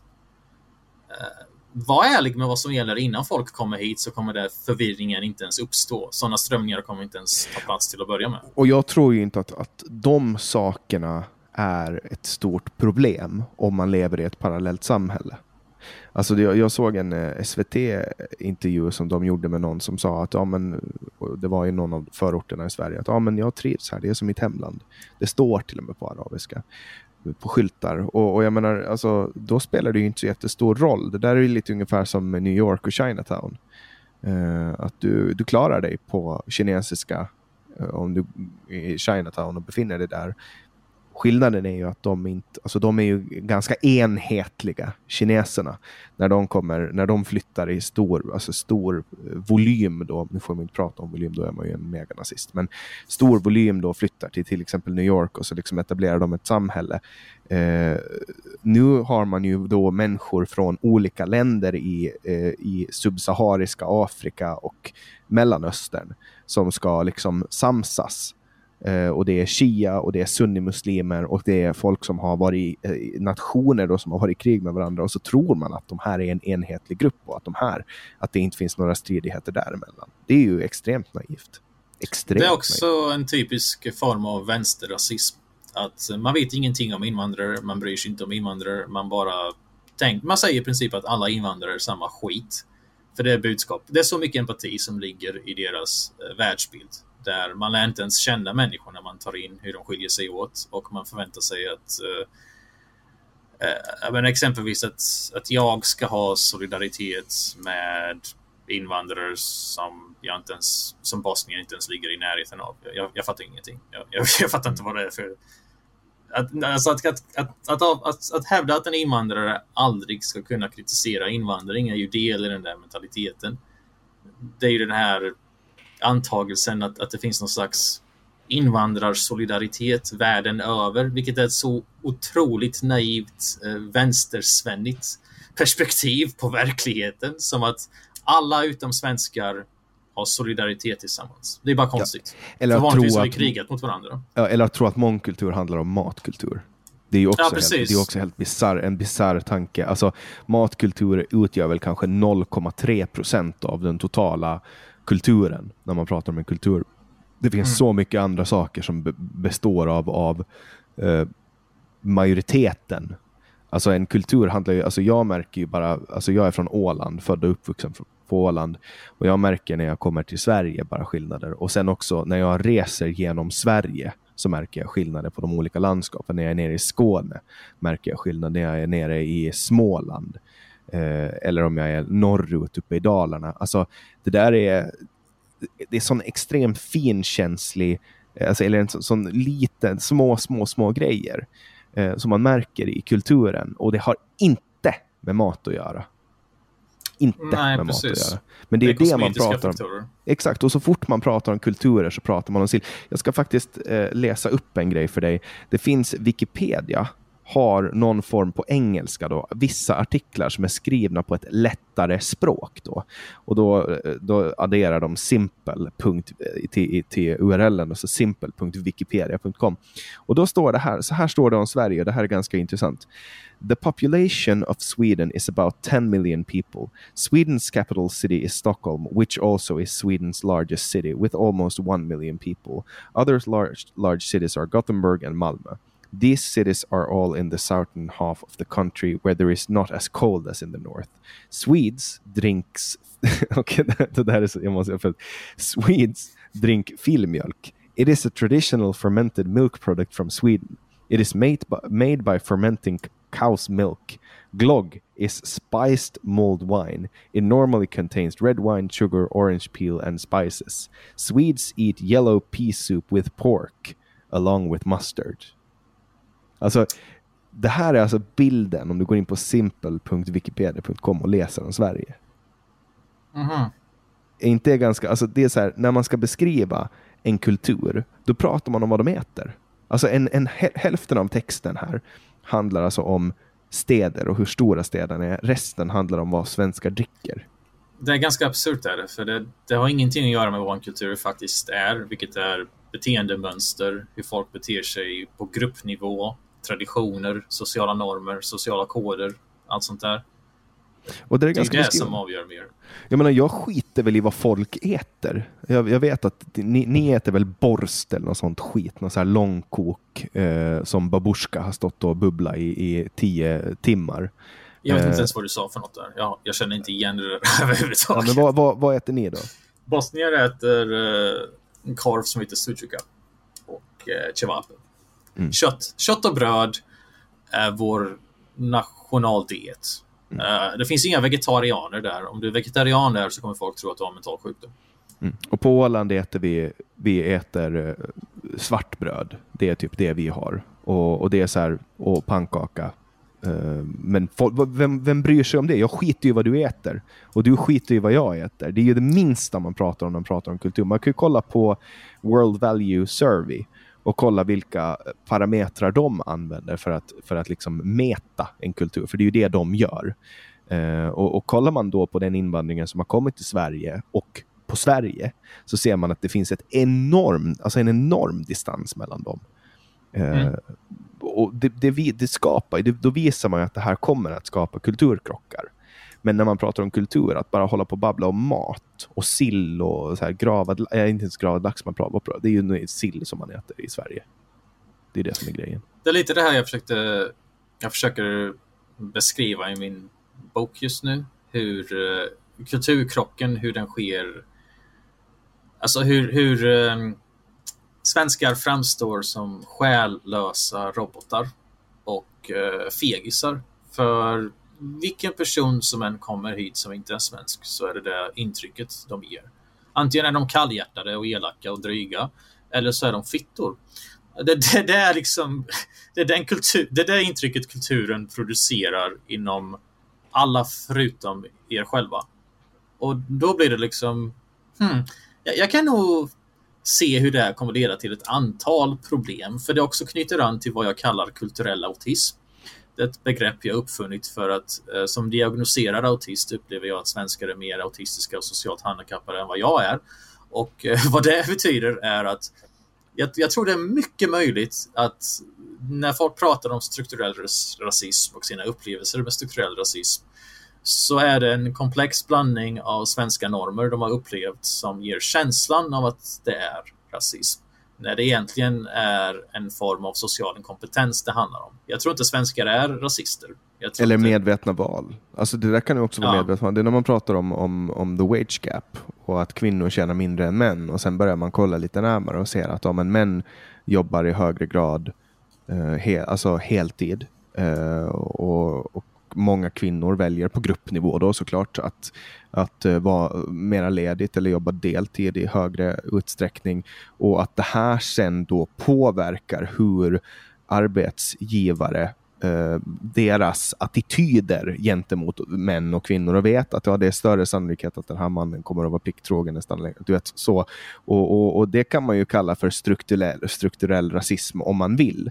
Eller så accepterar man att det är en sanning och att det är så det är helt enkelt. Ja, men jag tror det handlar mer om möten i vardagen eller snarare uteblivandet av dessa. Om man tittar på Ja, men ska man ta exempel med araber så är de eh, de bryr sig om, väldigt mycket om familj. Medan svenskar knappt bryr sig om familj och bryr sig mer om jobb. Eh, man kan se två araber eller två bosnier eh, ha en konversation ute på stan. Dessutom ska spöa skiten ur varandra. Men om man förstår vad de säger så fattar man att de pratar om vädret. De är väldigt verbala, känslomässiga, uttrycksfulla, ofiltrerade. Medan svenskar aldrig höjer rösten offentligt, snarare är överfiltrerade och ger intrycket av att vara eh, antingen fegisar eller fegisar som är rädda för att säga vad de tycker eller fegisar som är rädda för att stå för att de är rasister. Mm. Det, är det lite kan lätt man, ge det intrycket. Det är lite som när man är i Helsingfors och, och något butiksbiträde frågar om man vill ha kvitto och, och då låter det ungefär som att jag ska hugga huvudet av dig din jävla bög. För att ja, men... det är så de låter liksom. ja, det, det, det, är så mycket i det där. Alltså, språk, tonalitet, ordval och sen hur man för sig i det icke-verbala. Liksom. Jag har upplevt att svenskar har en tendens att stirra utan att säga hej. Stirrar de och säger hej så blir det så ett awkward hej. Och för någon som... Och sen har du dessutom, alltså det finns ju en inbyggd eh, variabel av eh, genetiskt inavel. Det finns genuina eh, bonjävelrasister i Sverige som är klumpiga så in i helvete i sina ordval och faktiskt ger uttryck för vidriga kommentarer. Det kanske räcker med att du träffat fem sådana som svart människa innan du börjar bli misstänksam mot alla vita människor på samma sätt som det räcker för en svensk att träffa fem eh, aggressiva kaosblattar innan de börjar utveckla någon form av rasism för att de har blivit ombedda att knulla sin mammas fitta för många gånger. Uh, det fick som hjärnan har en tendens att sätta sig vid det negativa mer än det positiva. Och sen blandar du in det med det svenska kroppsspråket överlag, vilket är att folk gärna stirrar på dig utan att säga någonting. De är bara awkward, de är socialt inåtvända, kallsinniga, inte särskilt you know, trevliga för det mesta. Då får man som icke-vit person säkert väldigt enkelt upplevelsen att eh, samhället är rasistiskt och att alla ser ner på dig. För att det är så det är när folk stirrar på dig. Det här är ett missförstånd det här är inte ett genuint hat som finns där, men det missförståndet skapar med längden polarisering och ett genuint hat bara för att man eh, för att folket görs lika osäkra i sig själva som vad svenskarna är. Alltså svenskar är ju kända för att vara som en Ingmar Bergman-film i princip. De är konstant ångestströdda, blyga, inåtvända och förstoppade känslomässigt. Vilket är en annan anledning till man kan säga prolapse. Mm. Den känslomässiga förstoppningen syns överallt. För mig åtminstone som invandrare så märker jag den överallt. Jag, jag kommer ihåg eh, hur, nu, nu är det ingenting som jag reagerar på längre, men jag kommer ihåg hur fascinerad jag var över att svenskar är så invända i det offentliga rummet. Eh, alltså om jag till exempel var på tunnelbanan och pratade med någon, konverserade, då blev det, liksom, det blev nästan som att jag trampade dem på tårna. Eh, om, om jag går runt här på Åland, då är det bara helt normalt att jag pratar med folk i, en, i matbutiken. Det är liksom, det är, ordet är hela tiden öppet. Du kan, alltid, du kan alltid säga någonting till personen som står bredvid. Om du står bredvid och, och ska eh, välja frukt så kan du alltid konstatera högt ah, vad dyrt det är med avokado eller något sånt utan att folk... Det, är inget konstigt.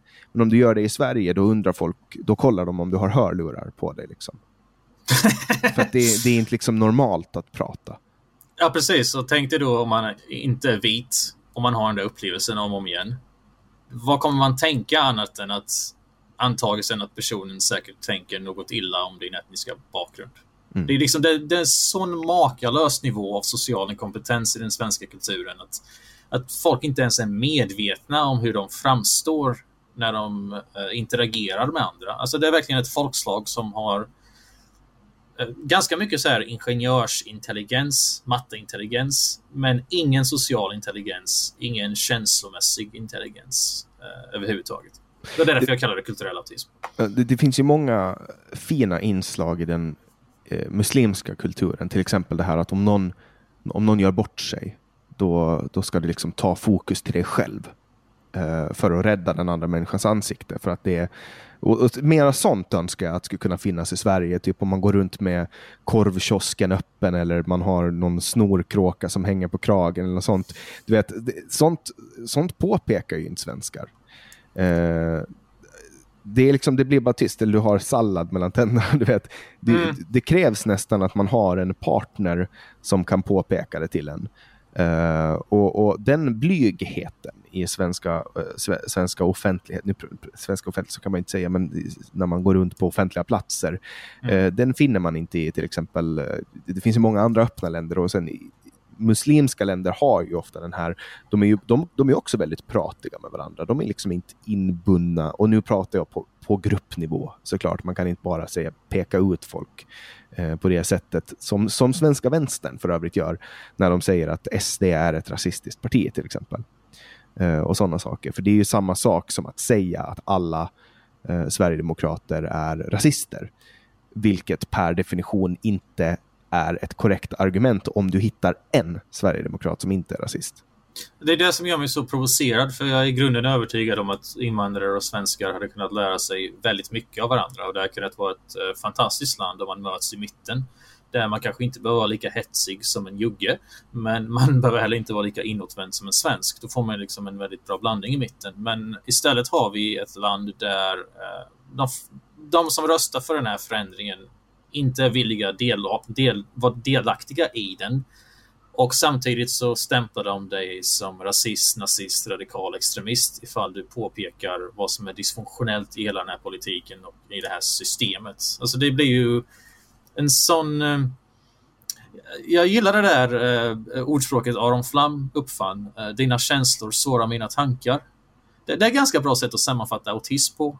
För jag lider sån konstant irrationalitetshuvudvärk av människors idioti i det här landet att det gör mig så utmattad att eh, de, enda gångerna jag orkar prata så är det något vulgärt som kommer fram ur käften. För jag orkar inte. Det skapar sån trötthet inom dig som människa att du helt fullständigt ger upp. Uh, det förklarar en del av min ton och jag tror också att det kan knytas an till varför många invandrare inte ens vill integrera sig. För det enda man ser av svenskar är att de är konstiga, förvirrade och olyckliga. Det är inte direkt som att svenskar gör någon slags reklam för svenskhet eller svensk kultur eller ens kan verbalisera vad som är fint med det. Så hur kan man då förvänta sig att folk ska vilja bli svenskar? Vidare då för att bygga på det, hur kan man ens förvänta sig att folk inte ska överkompensera mot det andra hållet och bli respektblattar eller kaosblattar eller liksom ännu mer betona ja, men bygga fram ett hat mot svenskheten som gör att de vill bli ännu mer osvenska som en slags omvänd statusmarkör. Det är det man ofta ser ute i förorterna och det knyter ju an till den här integrationspolitiken som knyter an till kulturen i allmänhet kan man säga. Ja, alltså man pratar ju hela tiden i svensk politik om att ja, man ska göra mer för integrationen, men det finns ju ingen som vet vad man ska göra. Det finns ju ingen som har en lösning och jag menar nu, nu, nu, nu har vi ju alltså ett eskalerande våld har man ju pratat om länge, men nu ser man ju det eh, manifestera sig när alltså, var det fem och sexårigt barn blev skjutna när de satt och lekte. Det är ju liksom mardrömsscenario. Och det är ju det här Sverigedemokraterna pratar om. Mm. Länge. Länge har man pratat om det här och, och, och andra har liksom vägrat ta de här poängerna. Uh, alltså man har vägrat ta dem. och jag menar, man skulle kunna anamma deras politik direkt när man såg att det funkar, för det är ju så företagsamhet funkar. Eller, eller, alltså du tar någons idé och så förbättrar du den, så länge mm. du håller dig innanför patentlagstiftningens och, och, och, och liksom varumärkesskyddets gränser, så, så är det fritt att ta en människas idé och göra den bättre. Sätta, eller sätta sin egen prägel på den och hitta en annan målgrupp. Och det här borde, det här borde man ha gjort direkt, istället för att liksom köra den här block, alltså blockadpolitiken. Uh, för jag menar, kolla, kolla, på Napoleon och vad det var som sist och slutligen sänkte Napoleon så var det hans kontinentalblockad. Skulle han ha gett fan i den där jävla kontinentalblockaden så skulle han ha, ha, sannolikt ha erövrat hela Europa. Uh, och uh, Det var liksom sist och slutligen hans liksom det här naiv, han förlorar så extremt mycket på den ekonomiskt att liksom försöka upprätthålla den. Och Det är på samma sätt som svensk politik nu gör med Sverigedemokraterna. Att den här envisheten i att hålla SD blockerade kommer till sist att kosta mera än vad den eh, smakar. Och man, man började till, det var ju det som ledde upp till, till upptrappningen till kriget med Ryssland. Det var att ryssarna vägrade eh, erkänna, alltså ryssarna fick, för, för att ryssarnas allians med Napoleon skulle få vara intakt så fick inte de eh, göra undantag och handla med britterna. Medan franska handelsmän fick undantag för att handla med britterna. Eh, och, och, och, det är precis det här som kommer att hända nu också i svensk politik, att man, man kommer att ge någon eh, tillåtelse att förhandla med SD och sen kommer allting bara att spricka. Det kommer att bli en, det här kommer, det kommer att ta slut liksom. Och det är någon som kommer att falla. Man har ju sett det med förnedringsrånen också, att det här börjar ta en mer och mer vulgär form. Eh, den här eh, aversionen mot svenskheten ute i förorterna. Den är egentligen ganska enkel att förstå. Det är ju... Det, det är ju liksom... Det, det, är svårt att beskriva hur segregerat Sverige är. Det är som Sydafrika under apartheid. Det är verkligen så att svenskar och invandrare inte ens bor tillsammans. Eh, bor nära varandra. Du, du frågar liksom om hur man hur man löser integrationen. Ehm, det här är lite varför jag tjatar om kulturmentaliteten svenskar har till, som grunden till alla problem, finhetskomplexet och så vidare. Det är för att eh, svenskar är så inställda på sin statsindividualism. De inbillar sig att integration är något som staten möjligtvis skulle kunna ha ansvar för. Men integration handlar inte överhuvudtaget om myndigheter. Det handlar om eh, det vardagliga sociala mötet människor emellan. Att kunna småprata med sina grannar, att lära känna nya människor utanför din krets, att, att gå fram till främlingar och ha ett samtal. Det är sådana saker som får människor som, som spelar så mycket större roll än vad folk inser att få människor att känna sig sedda, uppmärksammade och inkluderade. Det har man inte i Sverige. Man har bara den här konstiga isoleringskulturen istället. Och det går inte att skilja det från, från det dåliga intrycket invandrare får av svenskar som de känsligaste av dem vet inte hur de ska hantera det så att de går och blir kriminella i princip. Ja, och alla, alltså det, kollar man på till exempel då klimat och miljöpolitik. Det är ju två väldigt skit, skit, skit, vitt skilda begrepp. Jag gillar ordet skit, du borde köra på det, du borde mynta det. Det är skit, då behöver man inte säga vitt skilda utan skitbegrepp eh, där man då alla ska göra sitt. Alltså tanken är att alla ska göra sitt. Man ska plocka upp skräp när man hittar det på marken. Det är bra miljöpolitik eller det är bra sätt att leva miljö. Man ska sortera i sina fyrfacksystem som ändå hamnar i en hög och eldas upp av någon kapitalist sen. Eh, men men att, att den här tanken att alla ska göra sitt och det här har man lyckats bedriva jättebra politik med. Alltså man har lyckats, Miljöpartiet har ju lyckats bra. Alltså det är ett parti som ligger precis ovanför eh, gränsen för att bli invalda i det nationella parlamentet, men ändå så styr de all politik. Alltså per capita så är ju Miljöpartiet det mest mäktiga partiet i, i Sverige. Med, mm. med alltså, utan, alltså, utan motsvarighet.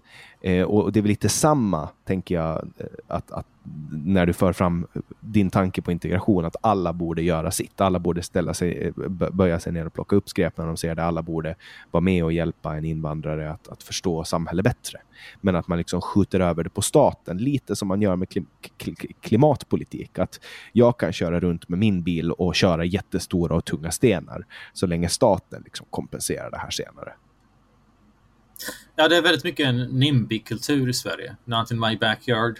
Att man tycker om hur någonting låter, det är fint, det är status. Men man vill inte ha det nära sig, man vill inte ta ansvar för det själv. Man vill att alla andra ska göra det istället. Och det är liksom så här, det är lite sorgligt att ens behöva formulera i de här termerna. Jag, jag hör dig säga att liksom att om svenskar verkligen vore intresserade av mångfald och andra kulturer och invandrare så hade de ju redan gjort alla de här sakerna de hade ju redan gått och blivit, you know, brutit den här traditionen av att uh, ha slutna vänskapskretsar där man bara umgås med sina barndomsvänner och så vidare, folk man växte upp med. De hade liksom redan gjort det här. Men det finns ingen bred förankring i folkviljan för mångfald och mångkultur och det kan jag ju märka bara som en autistisk hårdrockare. Så jag menar, hur, hur ska det här funka med invandring? Liksom? Om svenskar är så jävla dryga mot vita människor som vad de är, varför skulle det funka bättre med icke-vita människor? Det är ju där jag tänker hela nyckelpunkten ligger lite. Du är ju ondskan personifierad eftersom du vill eh, tillåta knark att bli sålt till små barn. Eh, giftigt knark. Det var en intressant tolkning av det hela. Nej, jag, jag, avkriminalisering hade ju inte handlat om det, kan man säga. Ja, ja du, vill, du vill döda små barn. Eh, var, varför vill du döda små barn? Ja, så hade det låtit om jag intervjuades av SVT. Ja, ja eller av Mikael Damberg. Das. Das. Dassberg. Dassberg är ett bra smeknamn för honom. Okay. Ja, det, det, finns ju också, jag har uppfunnit ett, ett smeknamn, Hala Hallengren, eller Hal som Hallengren. Det är också ett, ett, ett intryck som jag har försökt instifta. Jag tycker du ska fortsätta med det. Ja, men eftersom jag, eftersom jag är blott en avdankad ålänning som försöker göra poddar så är det ingen som tar efter mig. Man ska, man ska inte ge upp, får ge det tid. Memes kräver, hänger ju på repetition. repetition Ja, men den personen som kom på Friggebod är ju inte heller eh, ingen kommer ihåg den personen som kom Mm. på ordet friggebod. Och det, är ju, det kommer ju också från en gammal, eh, från en gammal minister. Eh, jag ska faktiskt live-googla det för att få fram få fram historien. Jo, det var då Birgit Friggebo som var folkpartistisk bostadsminister när hon 1979 lät avskaffa bygglovsplikten för en byggnad av detta slag om högst 10 kvadratmeter. Och det var där ordet friggebod kom ifrån. Och därav tycker jag också att man borde införa den absolut halaste, man är hal som en ål. Fast hon är en nivå halare än en ål. Hon är omöjligt talare. Eh, lika hal som en ål är, gånger sig själv. Så hal är Lena Hallengren. De har ju, den här regeringen, ha, har du tänkt på att det nu är alltså eh, Stefan Löfvens tredje regering som uppstår? Alltså det är verkligen, det är verkligen ett budskap till barnen att du kan bli vad som helst. Du kan uppnå allt, bara du bestämmer dig för det. Det- Han har ju lyckats med det. Verkligen. Han är en bumerang. Du kan kasta honom hur långt som helst. Kommer han tillbaka. Slår Det är helt otroligt. Han har inte ens stöd i parlamentet. Nej, det är det makalösa med negativ parlamentarism. Jag kan inte fatta att... Det är verkligen begreppet för det. Negativ parlamentarism. Det är, det är konstant... Alltså det är ju inbyggt att kunna ge stöd till minoritetsregeringar som saknar folkförankring. Självaste svensk demokrati. Men vill du snacka knark eller vadå? Ja, vi ska snacka knark. Jag vill bara kasta ut en boll till dig först. Vi, nu, nu ska du och jag, eh, vi har fått en eh, fullmakt att, att göra om hela valsystemet inför nästa system. Och jag, jag kommer med ett förslag här. Jag tycker att vi har ett system som gör att alla partier får eh, ministerposter i förhållande till sin storlek. Man tvingar fram en samlingsregering. Mhm. Menar du de? fysisk storlek, alltså kilo? Deras, deras kilo per, per, per centimeter eller? Eh, nej, utan eh, deras parlamentariska stöd eh, ska, ska liksom motsvaras i kabinettet så att säga. Så att du tvingar fram en samlingsregering. Tror du man skulle kunna få politisk slagkraft genom att göra så? Alltså, jag, för att vara helt ärlig så tänker jag bara på vågskalor nu. nu. Jag tänker liksom på folk som ställer sig på vågar och... och, och alltså jag kan inte släppa det. Kan Ja, inte, kan du upprepa? Hur, hur hade det här systemet funkat menar du? Ja, men har, får du 30 procent av eh, riksdagen, då får du också 30 procent av regeringen. Att du får, du får Ja. ett antal, alltså knutet till antalet mandat du får, får du ett antal mandatministrar också. Och så tvingar man fram en samlingsregering helt enkelt. Ja, ja, men det är ett intressant system. Det, För då ska, man ju alltid, då ska de ju alltid försöka få fram Sveriges bästa. När de, och då ska, Ja, inte, precis. då ska ju inte politiken handla om eh, hur stor man blev egentligen, utan det ska mer handla om att försöka hitta samförstånd. Det hade varit intressant för att det hade ju, jag har ju liksom länge tänkt på det här med att många vill försöka framställa det som att SD hade kunnat räddas, rädda Sverige, vända hela skjutan och så vidare. Men det enda som hade hänt om Åkesson blev statsminister är att han hade behövt samla åtminstone 51 procent stöd i riksdagen. Så störst parti spelar inte ens någon roll. Du måste fortfarande ha stöd från en majoritet. Um, Det hade gjort det åtminstone mer transparent, tror jag. Men Ja, mitt- han hade inte blivit, inte hade han blivit statsminister bara för att han fick 51 procent. Eller blev största parti för den delen. Han hade, han hade inte blivit genomsläppt som statsminister tror jag. Nej, precis. Det har inte ändrat någonting. Det är fortfarande någon konstig... Alltså det är, det är som att det är en djungel ända fram tills du kan nå en folkomröstningsnivå på riksdagen. Fram tills dess så är det bara snåriga vilket parti ska samarbeta med vilken. Ja, det är därför Miljöpartiet har så mycket makt. För att de räck, de, deras futtiga 4 räcker för att tippa över den där skalan till en statistisk majoritet. Och då får man inte då får man inte mer demokrati. Man får snarare så här, mer radikal demokrati bara för att det är de radikala som sitter på makten där. Tänk också så här att Sverige, eh, Socialdemokraterna som har gjort ett stort, stort nummer av att de inte ska samarbeta med Vänsterpartiet eller Sverigedemokraterna nu let en ensam kommunist diktera hela regeringspolitiken för att lösa den här krisen. Det Det, ganska, finns mycket tokigt i svensk politik. Ja, det är bara en av många saker. Yes, men vi går tillbaks då till narkotikapolitik. Eh, det är ju också en av många tokigheter som finns. Eh, varför vill du att man ska avkriminalisera cannabis? Är det för att du tycker ju... att det är gott med knark? Nej, jag har ingen personlig bäring i det där. Det där är, jag, vill, jag vill avkriminalisera alla droger. Och då måste man ju förstå, förstås uh, förstå vad ordet betyder till att börja med. Det är inte samma sak som legalisering. Legalisering implicerar ju Eh, marknadsföring, att det, tars, att det finns en business aspect i det hela. Men legalisering så hade man kunnat sälja cannabis och heroin på Systembolaget eller göra reklam för det. Eh, det är inte vad det handlar om. Avkriminalisering eh, handlar mer om att det är tillåtet att äga en viss mängd för privat bruk men och det är inte straffbart. Men du får inte sälja eller langa eller göra reklam för eller liksom försöka främja det på något sätt. Och hela poängen med det är ju att det utgår från den mycket lyckade Portugalmodellen där man behandlar missbruk som vad det är. Det är en sjukdom missbrukare har stora problem med att hantera ångest och oftast har de underliggande ångeststörningar som driver deras beteende. Eh, de har inga känslomässiga verktyg för att hantera motgångar i livet och dåliga känslor. De kommer oftast från familjer med tystnadskultur, från rikemansfamiljer eller från fattigare familjer som är väldigt mån om sitt rykte och då inte tror på att prata. Och alla psykiska sjukdomar och psykiska störningar frodas i tystnaden så att säga. Så att vad det hade gjort är att man, som i Portugal, kan eh, om någon åker fast med po av polis liksom, och, och de har knark på sig så kollar man på liksom, har du ett problematiskt bruk? Har du ett bruk som, gör, som skapar störningar i ditt vardagsliv? Eller är du bara en Svensson som gillar att knarka lite på helgen? För de flesta knarkare så att säga är just Svenssons som festar till det på helgerna. Resten av tiden så antingen pluggar de eller har ett, ett jobb och sköter ett helt vanligt liv. Där finns studier som visar att det är en minoritet som går och blir beroende eller utvecklar problematiskt bruk.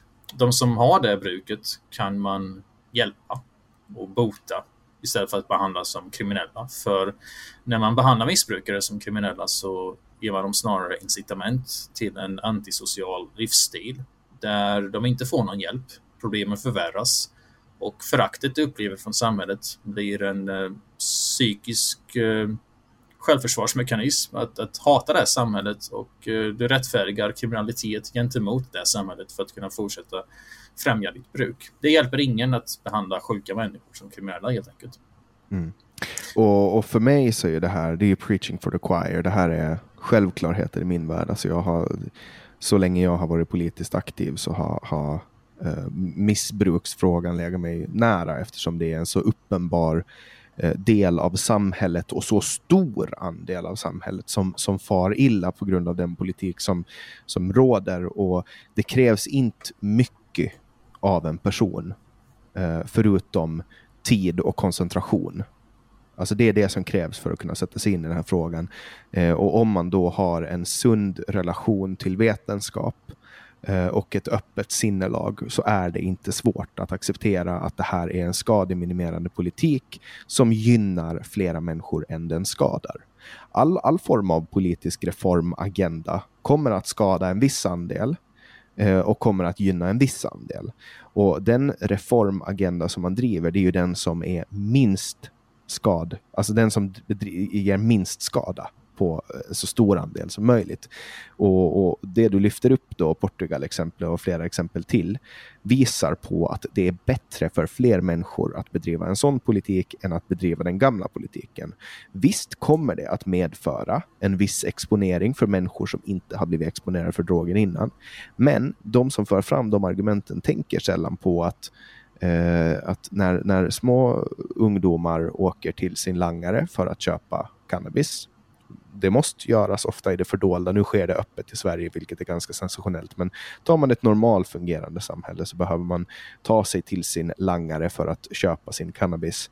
Och det hör till cannabisens natur eh, att det är en stor volym och en stark lukt eh, och låg marginal, vilket gör att eh, de ekonomiska incitamenten att sälja andra droger med bättre marginal är där hela tiden och närvarande när de är olagliga. Eh, bara att ta fram någon form av pulver som är vitt som kan blandas med vilken vit, vit, vilket vitt pulver som helst kan man komma undan med, som inte har smak eller lukt. Eh, kreatinmonohydrat som är, kan köpas i vilken hälsokostbutik som helst på ICA Maxi överallt kan du blanda ett vitt pulver med och på så sätt öka. Du blandar lika stor andel som du har pulver och puff så har du ökat din vinst med 100 procent. Eh, det är en uppenbar risk i det system som finns idag. Eh, alltså just de ekonomiska incitamenten för langare eh, att liksom blanda ut de här drogerna. Och Det gör ju att den här gateway-teorin som de pratar om, som för övrigt är motbevisad, finns indirekt i det system som råder nu. Uh, och bara en sån sak att, att det skulle vara avkriminaliserat, skulle, skulle liksom, en sån aspekt finns det. Men sen har vi också den akuta aspekten med folk som dör på grund av överdoser. Eller folk som inte kan söka hjälp på grund av att då blir de uh, lagförda och så vidare. och så vidare. Ja, man ser till... Uh, det jag skulle vilja be folk tänka på är ju att vem som helst kan bli missbrukare. Så dina barn kan utveckla missbruk bara av att eh, råka hamna i en uh, viss kontext, viss miljö. Och dessutom, kollar man på Portugal, alltså Sverige har ju fått en utskällning från FN för att de bryter mot mänskliga rättigheter med sin narkotikapolitik. Sverige har mest narkotikadödsfall i hela Europa nu per capita, medan Portugal har några av de lägsta. Det är just för att de låter eh, människor få hjälp. De förhindrar de värre effekterna och de gör att folk som brukar droger kan betala skatt och vara duktiga medborgare istället för att vändas till en antisocial livsstil. Men det handlar också väldigt mycket om att det är speciellt de som inte gillar knark, som inte hade knarkat själva, som borde vilja ha en avkriminaliseringspolitik. För just nu bedriver vi ett makalöst skatteslöseri på en narkotikapolitik som inte fungerar på att eh, vi har en poliskris där polisen inte har möjlighet att utreda skottlossningar, våldtäkter och mord. Och man proppar igen rättsväsendet med de här enkla innehavsfallen som tar upp skatteresurser och skattepengar och tid från rättsväsendet. Man hade kunnat det var någon som räknade på det här, en politiker från Piratpartiet som räknade på det här och insåg att om man hade avkriminaliserat bara cannabis och inte alla droger så hade man kunnat frigöra tillräckligt mycket resurser för att anställa några tusen fler poliser och ge alla poliser i hela landet löneförhöjning. Det finns liksom sådana sådana sjuka effekter som går att uppnå för att vi har en sjuk politik. Politiken är så sned och skev och eh, missbrukad kan man säga till att börja med att, att det hade krävts väldigt lite för att han... Vi har liksom flera resurskriser i Sverige. Vi har en välfärdskris, vi har en psykvårdskris, vi har en sjukvårdskris, vi har en poliskris. Då borde man ju fundera på vad kan man göra för att eh, tillföra fler resurser till de viktigaste områdena. Och ett enkelt sätt hade varit just att avkriminalisera och eh, de som har en funktionell livsstil men brukar droger sporadiskt bör ju inte ens inkluderas i den här Nej. ekvationen för de utgör ju inget problem medan missbrukarna kan få hjälp istället. Mm. Jag hade en kollega när jag jobbade i Stockholm som då vid tidpunkten, jag tror han var 20 år gammal. Han, eh, han var alltså eh, harmlös, trevlig, öppen. Alltså så här, han gick till jobbet i tid, han gjorde allting. Men han hade den grejen, han tyckte att det var trevligt att röka cannabis ibland och kolla på typ Friends eller någon sån här serie. Du vet. och han gjorde det en kväll och då var det någon som ringde polisen i hans trapphus. Och polisen eh, knackade på och han öppnade dörren och de sa att de hade rätt att komma in och han, hade liksom inte, han ifrågasatte inte det här. Så de, han, han, släppte in dem och de började leta i hans lägenhet och så hittade de liksom filtret från en joint eh, och askan Eh, och allt det här vägde de och liksom satt dit honom för cannabis då, baserat på vikten på askan och eh, jointen och inklusive filtret. Och, och, det här är liksom sånt som, du vet, eh, jag tänker så här, alltså, tänk de här, det krävdes två poliser. Jag pratade med Erik Petschler om det här, han har varit med i den här podden. Och jag tror att det var han som pratade om, om den här tids, alltså tidsåtgången som krävs för att lagföra en sån här person. Då, för att bötfälla, skriva förundersökningsprotokoll, eh, allt pappersarbete och så vidare. Det tar ganska många timmar från två poliser som skulle kunna göra någonting annat.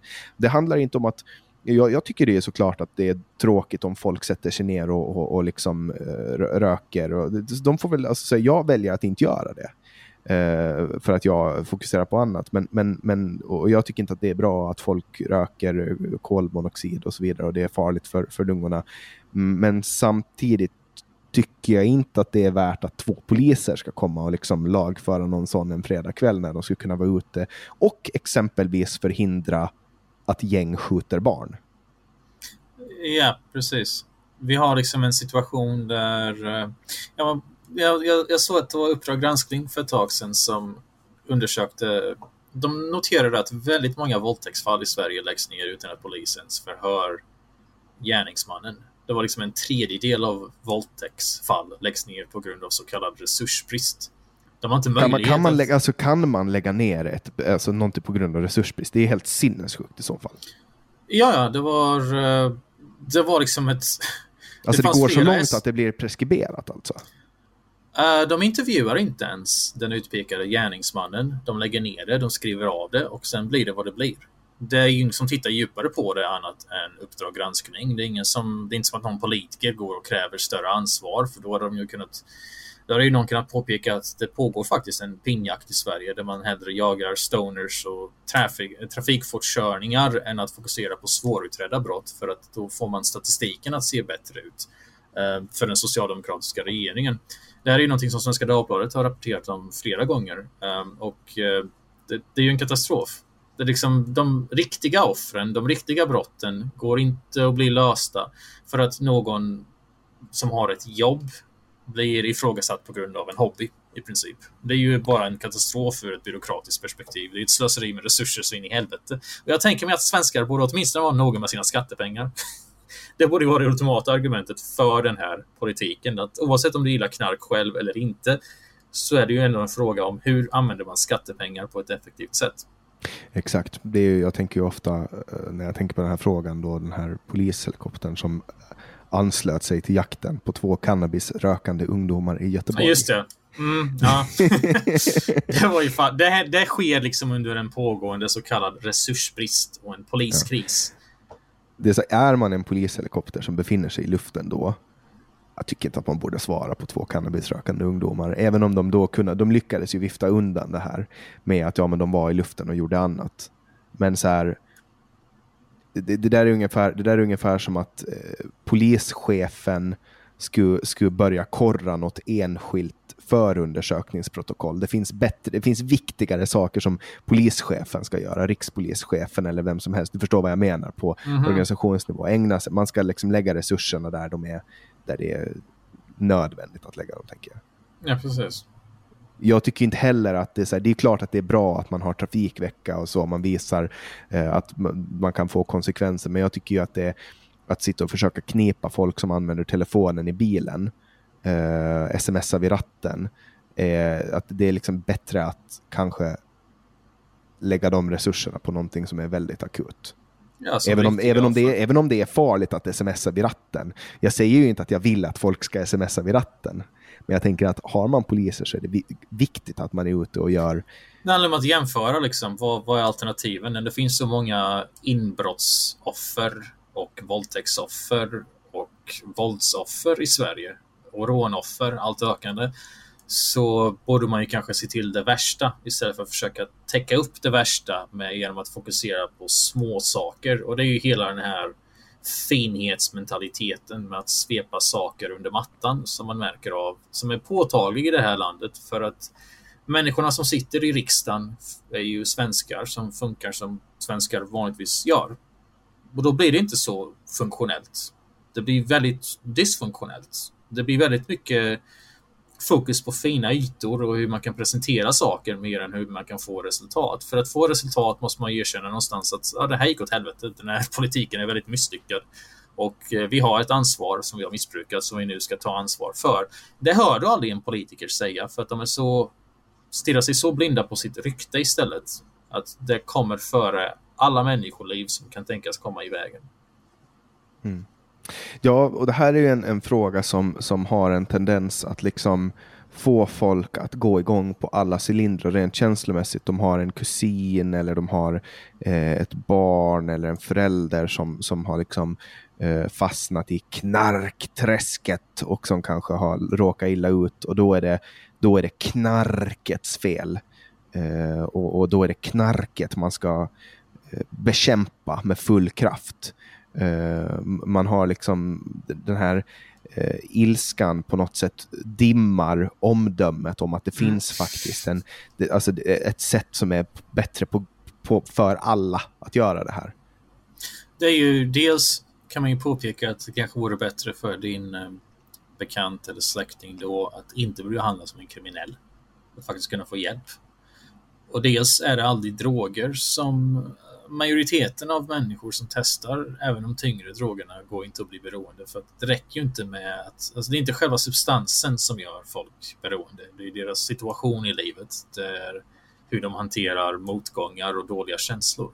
Det ja, det är, har... det är ju genetiskt liksom, i många Det fall. kan vara genetiskt också, ja. Och ibland är det liksom det kan vara miljön du har växt mm. upp i. Det kan vara en miljö som inte tror på att prata öppet om obekväma, jobbiga saker, vilket är i princip varenda, varenda svensk miljö. Så man kan jo. säga att hela svenska kulturen är marinerad i missbrukstendenser. Ofta uh, finns det också ett trauma. Det finns ju också ärvda trauman. Precis, det är en bra poäng också, att ofta att människor reagerar de försöker hantera något jobbigt som har hänt dem. Det kan vara att man har förlorat en nära anhörig, det kan vara att man har blivit utsatt för övergrepp och sånt brukar man ju heller inte prata om särskilt ofta. Så det knyter ju an till en mycket större fråga om psykisk ohälsa egentligen. Eh, stigmat kring psykisk ohälsa och tystnaden kring psykisk ohälsa. Att, att alla missbrukare har någon form av bagage som de inte har handskats med. Och jag menar, kolla på, på till exempel barn till förintelseöverlevare Eh, lider i hög, högre grad av beroende. Uh, och det, det, finns en forskare som heter Gabor Maté, som, som har pratat mycket om det här och hans mamma, tror jag det var, om jag inte är helt ute och cyklar, jag reserverar mig för att jag kan ha fel, men att han då var eh, i hennes mage under tiden som, som uh, hon blev förföljd, hon, hon var judinna. Uh, och att det här har påverkat honom eh, genom hela livet och att det var så han liksom gick in på det. Men han har gjort mycket forskning när det kommer till de här sakerna. Du har ju till exempel också då um, uh, Native People of America. Jag fick vakta min tunga lite nu när jag var på väg att, att säga ett ord som man inte får säga längre. Men där finns det också en högre grad av alkoholism än vad du hittar bland eh, amerikanen på, på genomsnitt, på gruppnivå. Ja, precis. Det är ju dels att um, stress när man är gravid kan ge hemska effekter på bebisen och barnet som sen kommer ut. Och delvis så är det liksom att förtryck eh, går ju i arv ofta. Det går inte att särskilja från, det är inte som att någon kan leva ett jättejobbigt liv och sen inte bära något vidare till sitt barn som sedan bär vidare en slags historia och ett intryck till sin det är ju det tunga med psykisk ohälsa, att, att det smittar av sig på det sättet. Det, det, kan gå i arv ifall man inte öppet pratar om det och handskas med det direkt och gör den där tunga kampen som, som går ut på transparens och öppenhet. Liksom. Och det har man inte i det har man inte i, i, i, någon kultur egentligen. Alla kulturer kämpar med stigmat kring psykisk ohälsa och det är just det som lägger grunden för missbruk. Så det går inte att det går inte att se det här som en fråga om knark eller en fråga om att människor är dumma och har dumma vanor. Det är i grunden en hälsofråga och en sjukvårdsfråga. Som... I Sverige kan du ju till och med bli känd på att bara prata om psykisk ohälsa. Men inte på att prata om knark och missbruk. Nej, då blir det ju, då blir det ju eh, person non grata. Men det kommer att vända, ska du få se. Det är jag helt säker på. Att när svensk narkotikapolitik vänder, då kommer man att uh, försöka få alla att tro att det alltid har varit så här. Ja, det, det är ju den typiska tendensen. Man ser det redan nu när eh, Socialdemokraterna försöker lägga skulden på Moderaterna för deras egna flyktingpolitik. Det, Det är, så här, det är psykotiskt, men det funkar. Det har alltid funkat och det kommer fortsätta funka. Mm. Nej, men alltså det där, och det där är ju en form av, av um, kollektiv gaslighting. Nej, men vi har alltid Mhm. sagt så här. Det, du inbillar dig. Vi har alltid sagt det här. Vi har alltid tyckt det här, vi har alltid sagt det här. Eh, och det där är, det där är, det är som till och med nu när Annie Lööf påstår att hon inte sagt att hon ska äta upp sin vänstra sko. Eller Hon kommer komma undan med det. Men tids nog så orkar folk inte tjata längre. Nej, men alltså, hon kan på riktigt sitta och påstå, nej det har jag aldrig sagt. Det var en medarbetare till mig som sa det.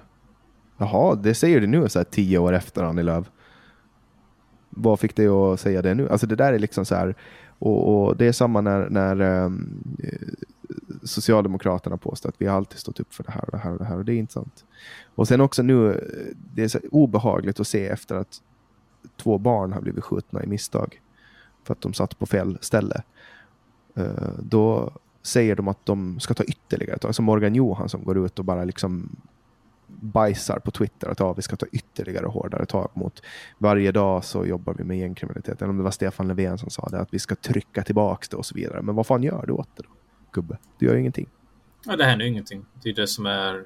Ja, det eskalerar ju. Och sen också, eh, tror att det var, jag kommer inte ihåg vem det var som sa att Morgan Johansson tror att det enda ställe de hör hemma på är på fängel, i fängelset. Liksom. Ja, I fängelset där de sitter i ett halvår, sen blir de utsläppta igen. Så det, det finns ju så många strukturella problem att lyfta här så att, som, som de aldrig kommer ta ansvar för heller. Det, Nej, men och sen det, går de ut nu. Liksom. Och nu idag då samtidigt som Alltså som de går ut med det här, ja, men då, då ska de liksom höja ehm, för brottsoffer då, skadeståndsersättningen. Och det är, så här, det är också så här signalspolitik att du får högre skadestånd. Ja, men från personer som inte har pengar. Alltså, hur, hur, så, tänk om man skulle följa upp det och kolla på hur många betalar ut skadestånd.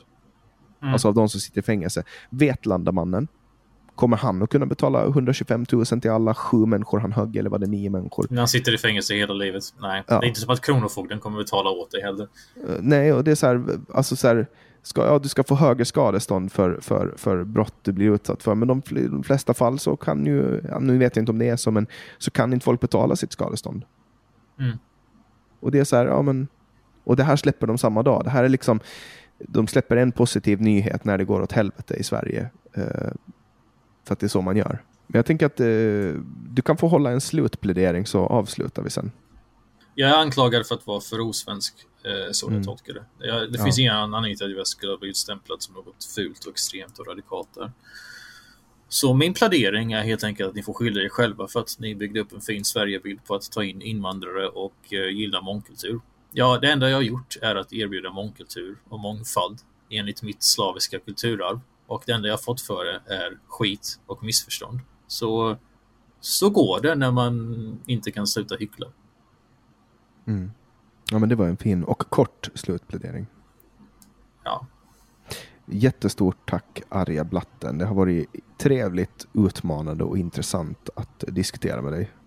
Ja, tack detsamma. Tack för att du bjöd in mig.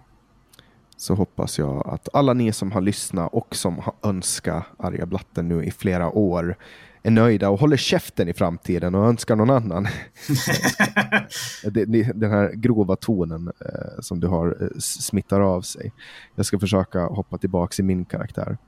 Jättestort tack alla som har lyssnat för att ni stödjer den här podden genom att prenumerera på Bulletin och genom att berätta för era vänner att den finns och till er som önskar gäster och till er som prenumererar och följer och delar. Stort tack alla som på något sätt delar med sig av den här podden. Jag släpper ju nya samtal alla onsdagar året runt och du som är plusprenumerant på Bulletin får höra den här podden en vecka före den släpps för alla andra. Jag heter Jannik Svensson och du har lyssnat på podcasten Samtal.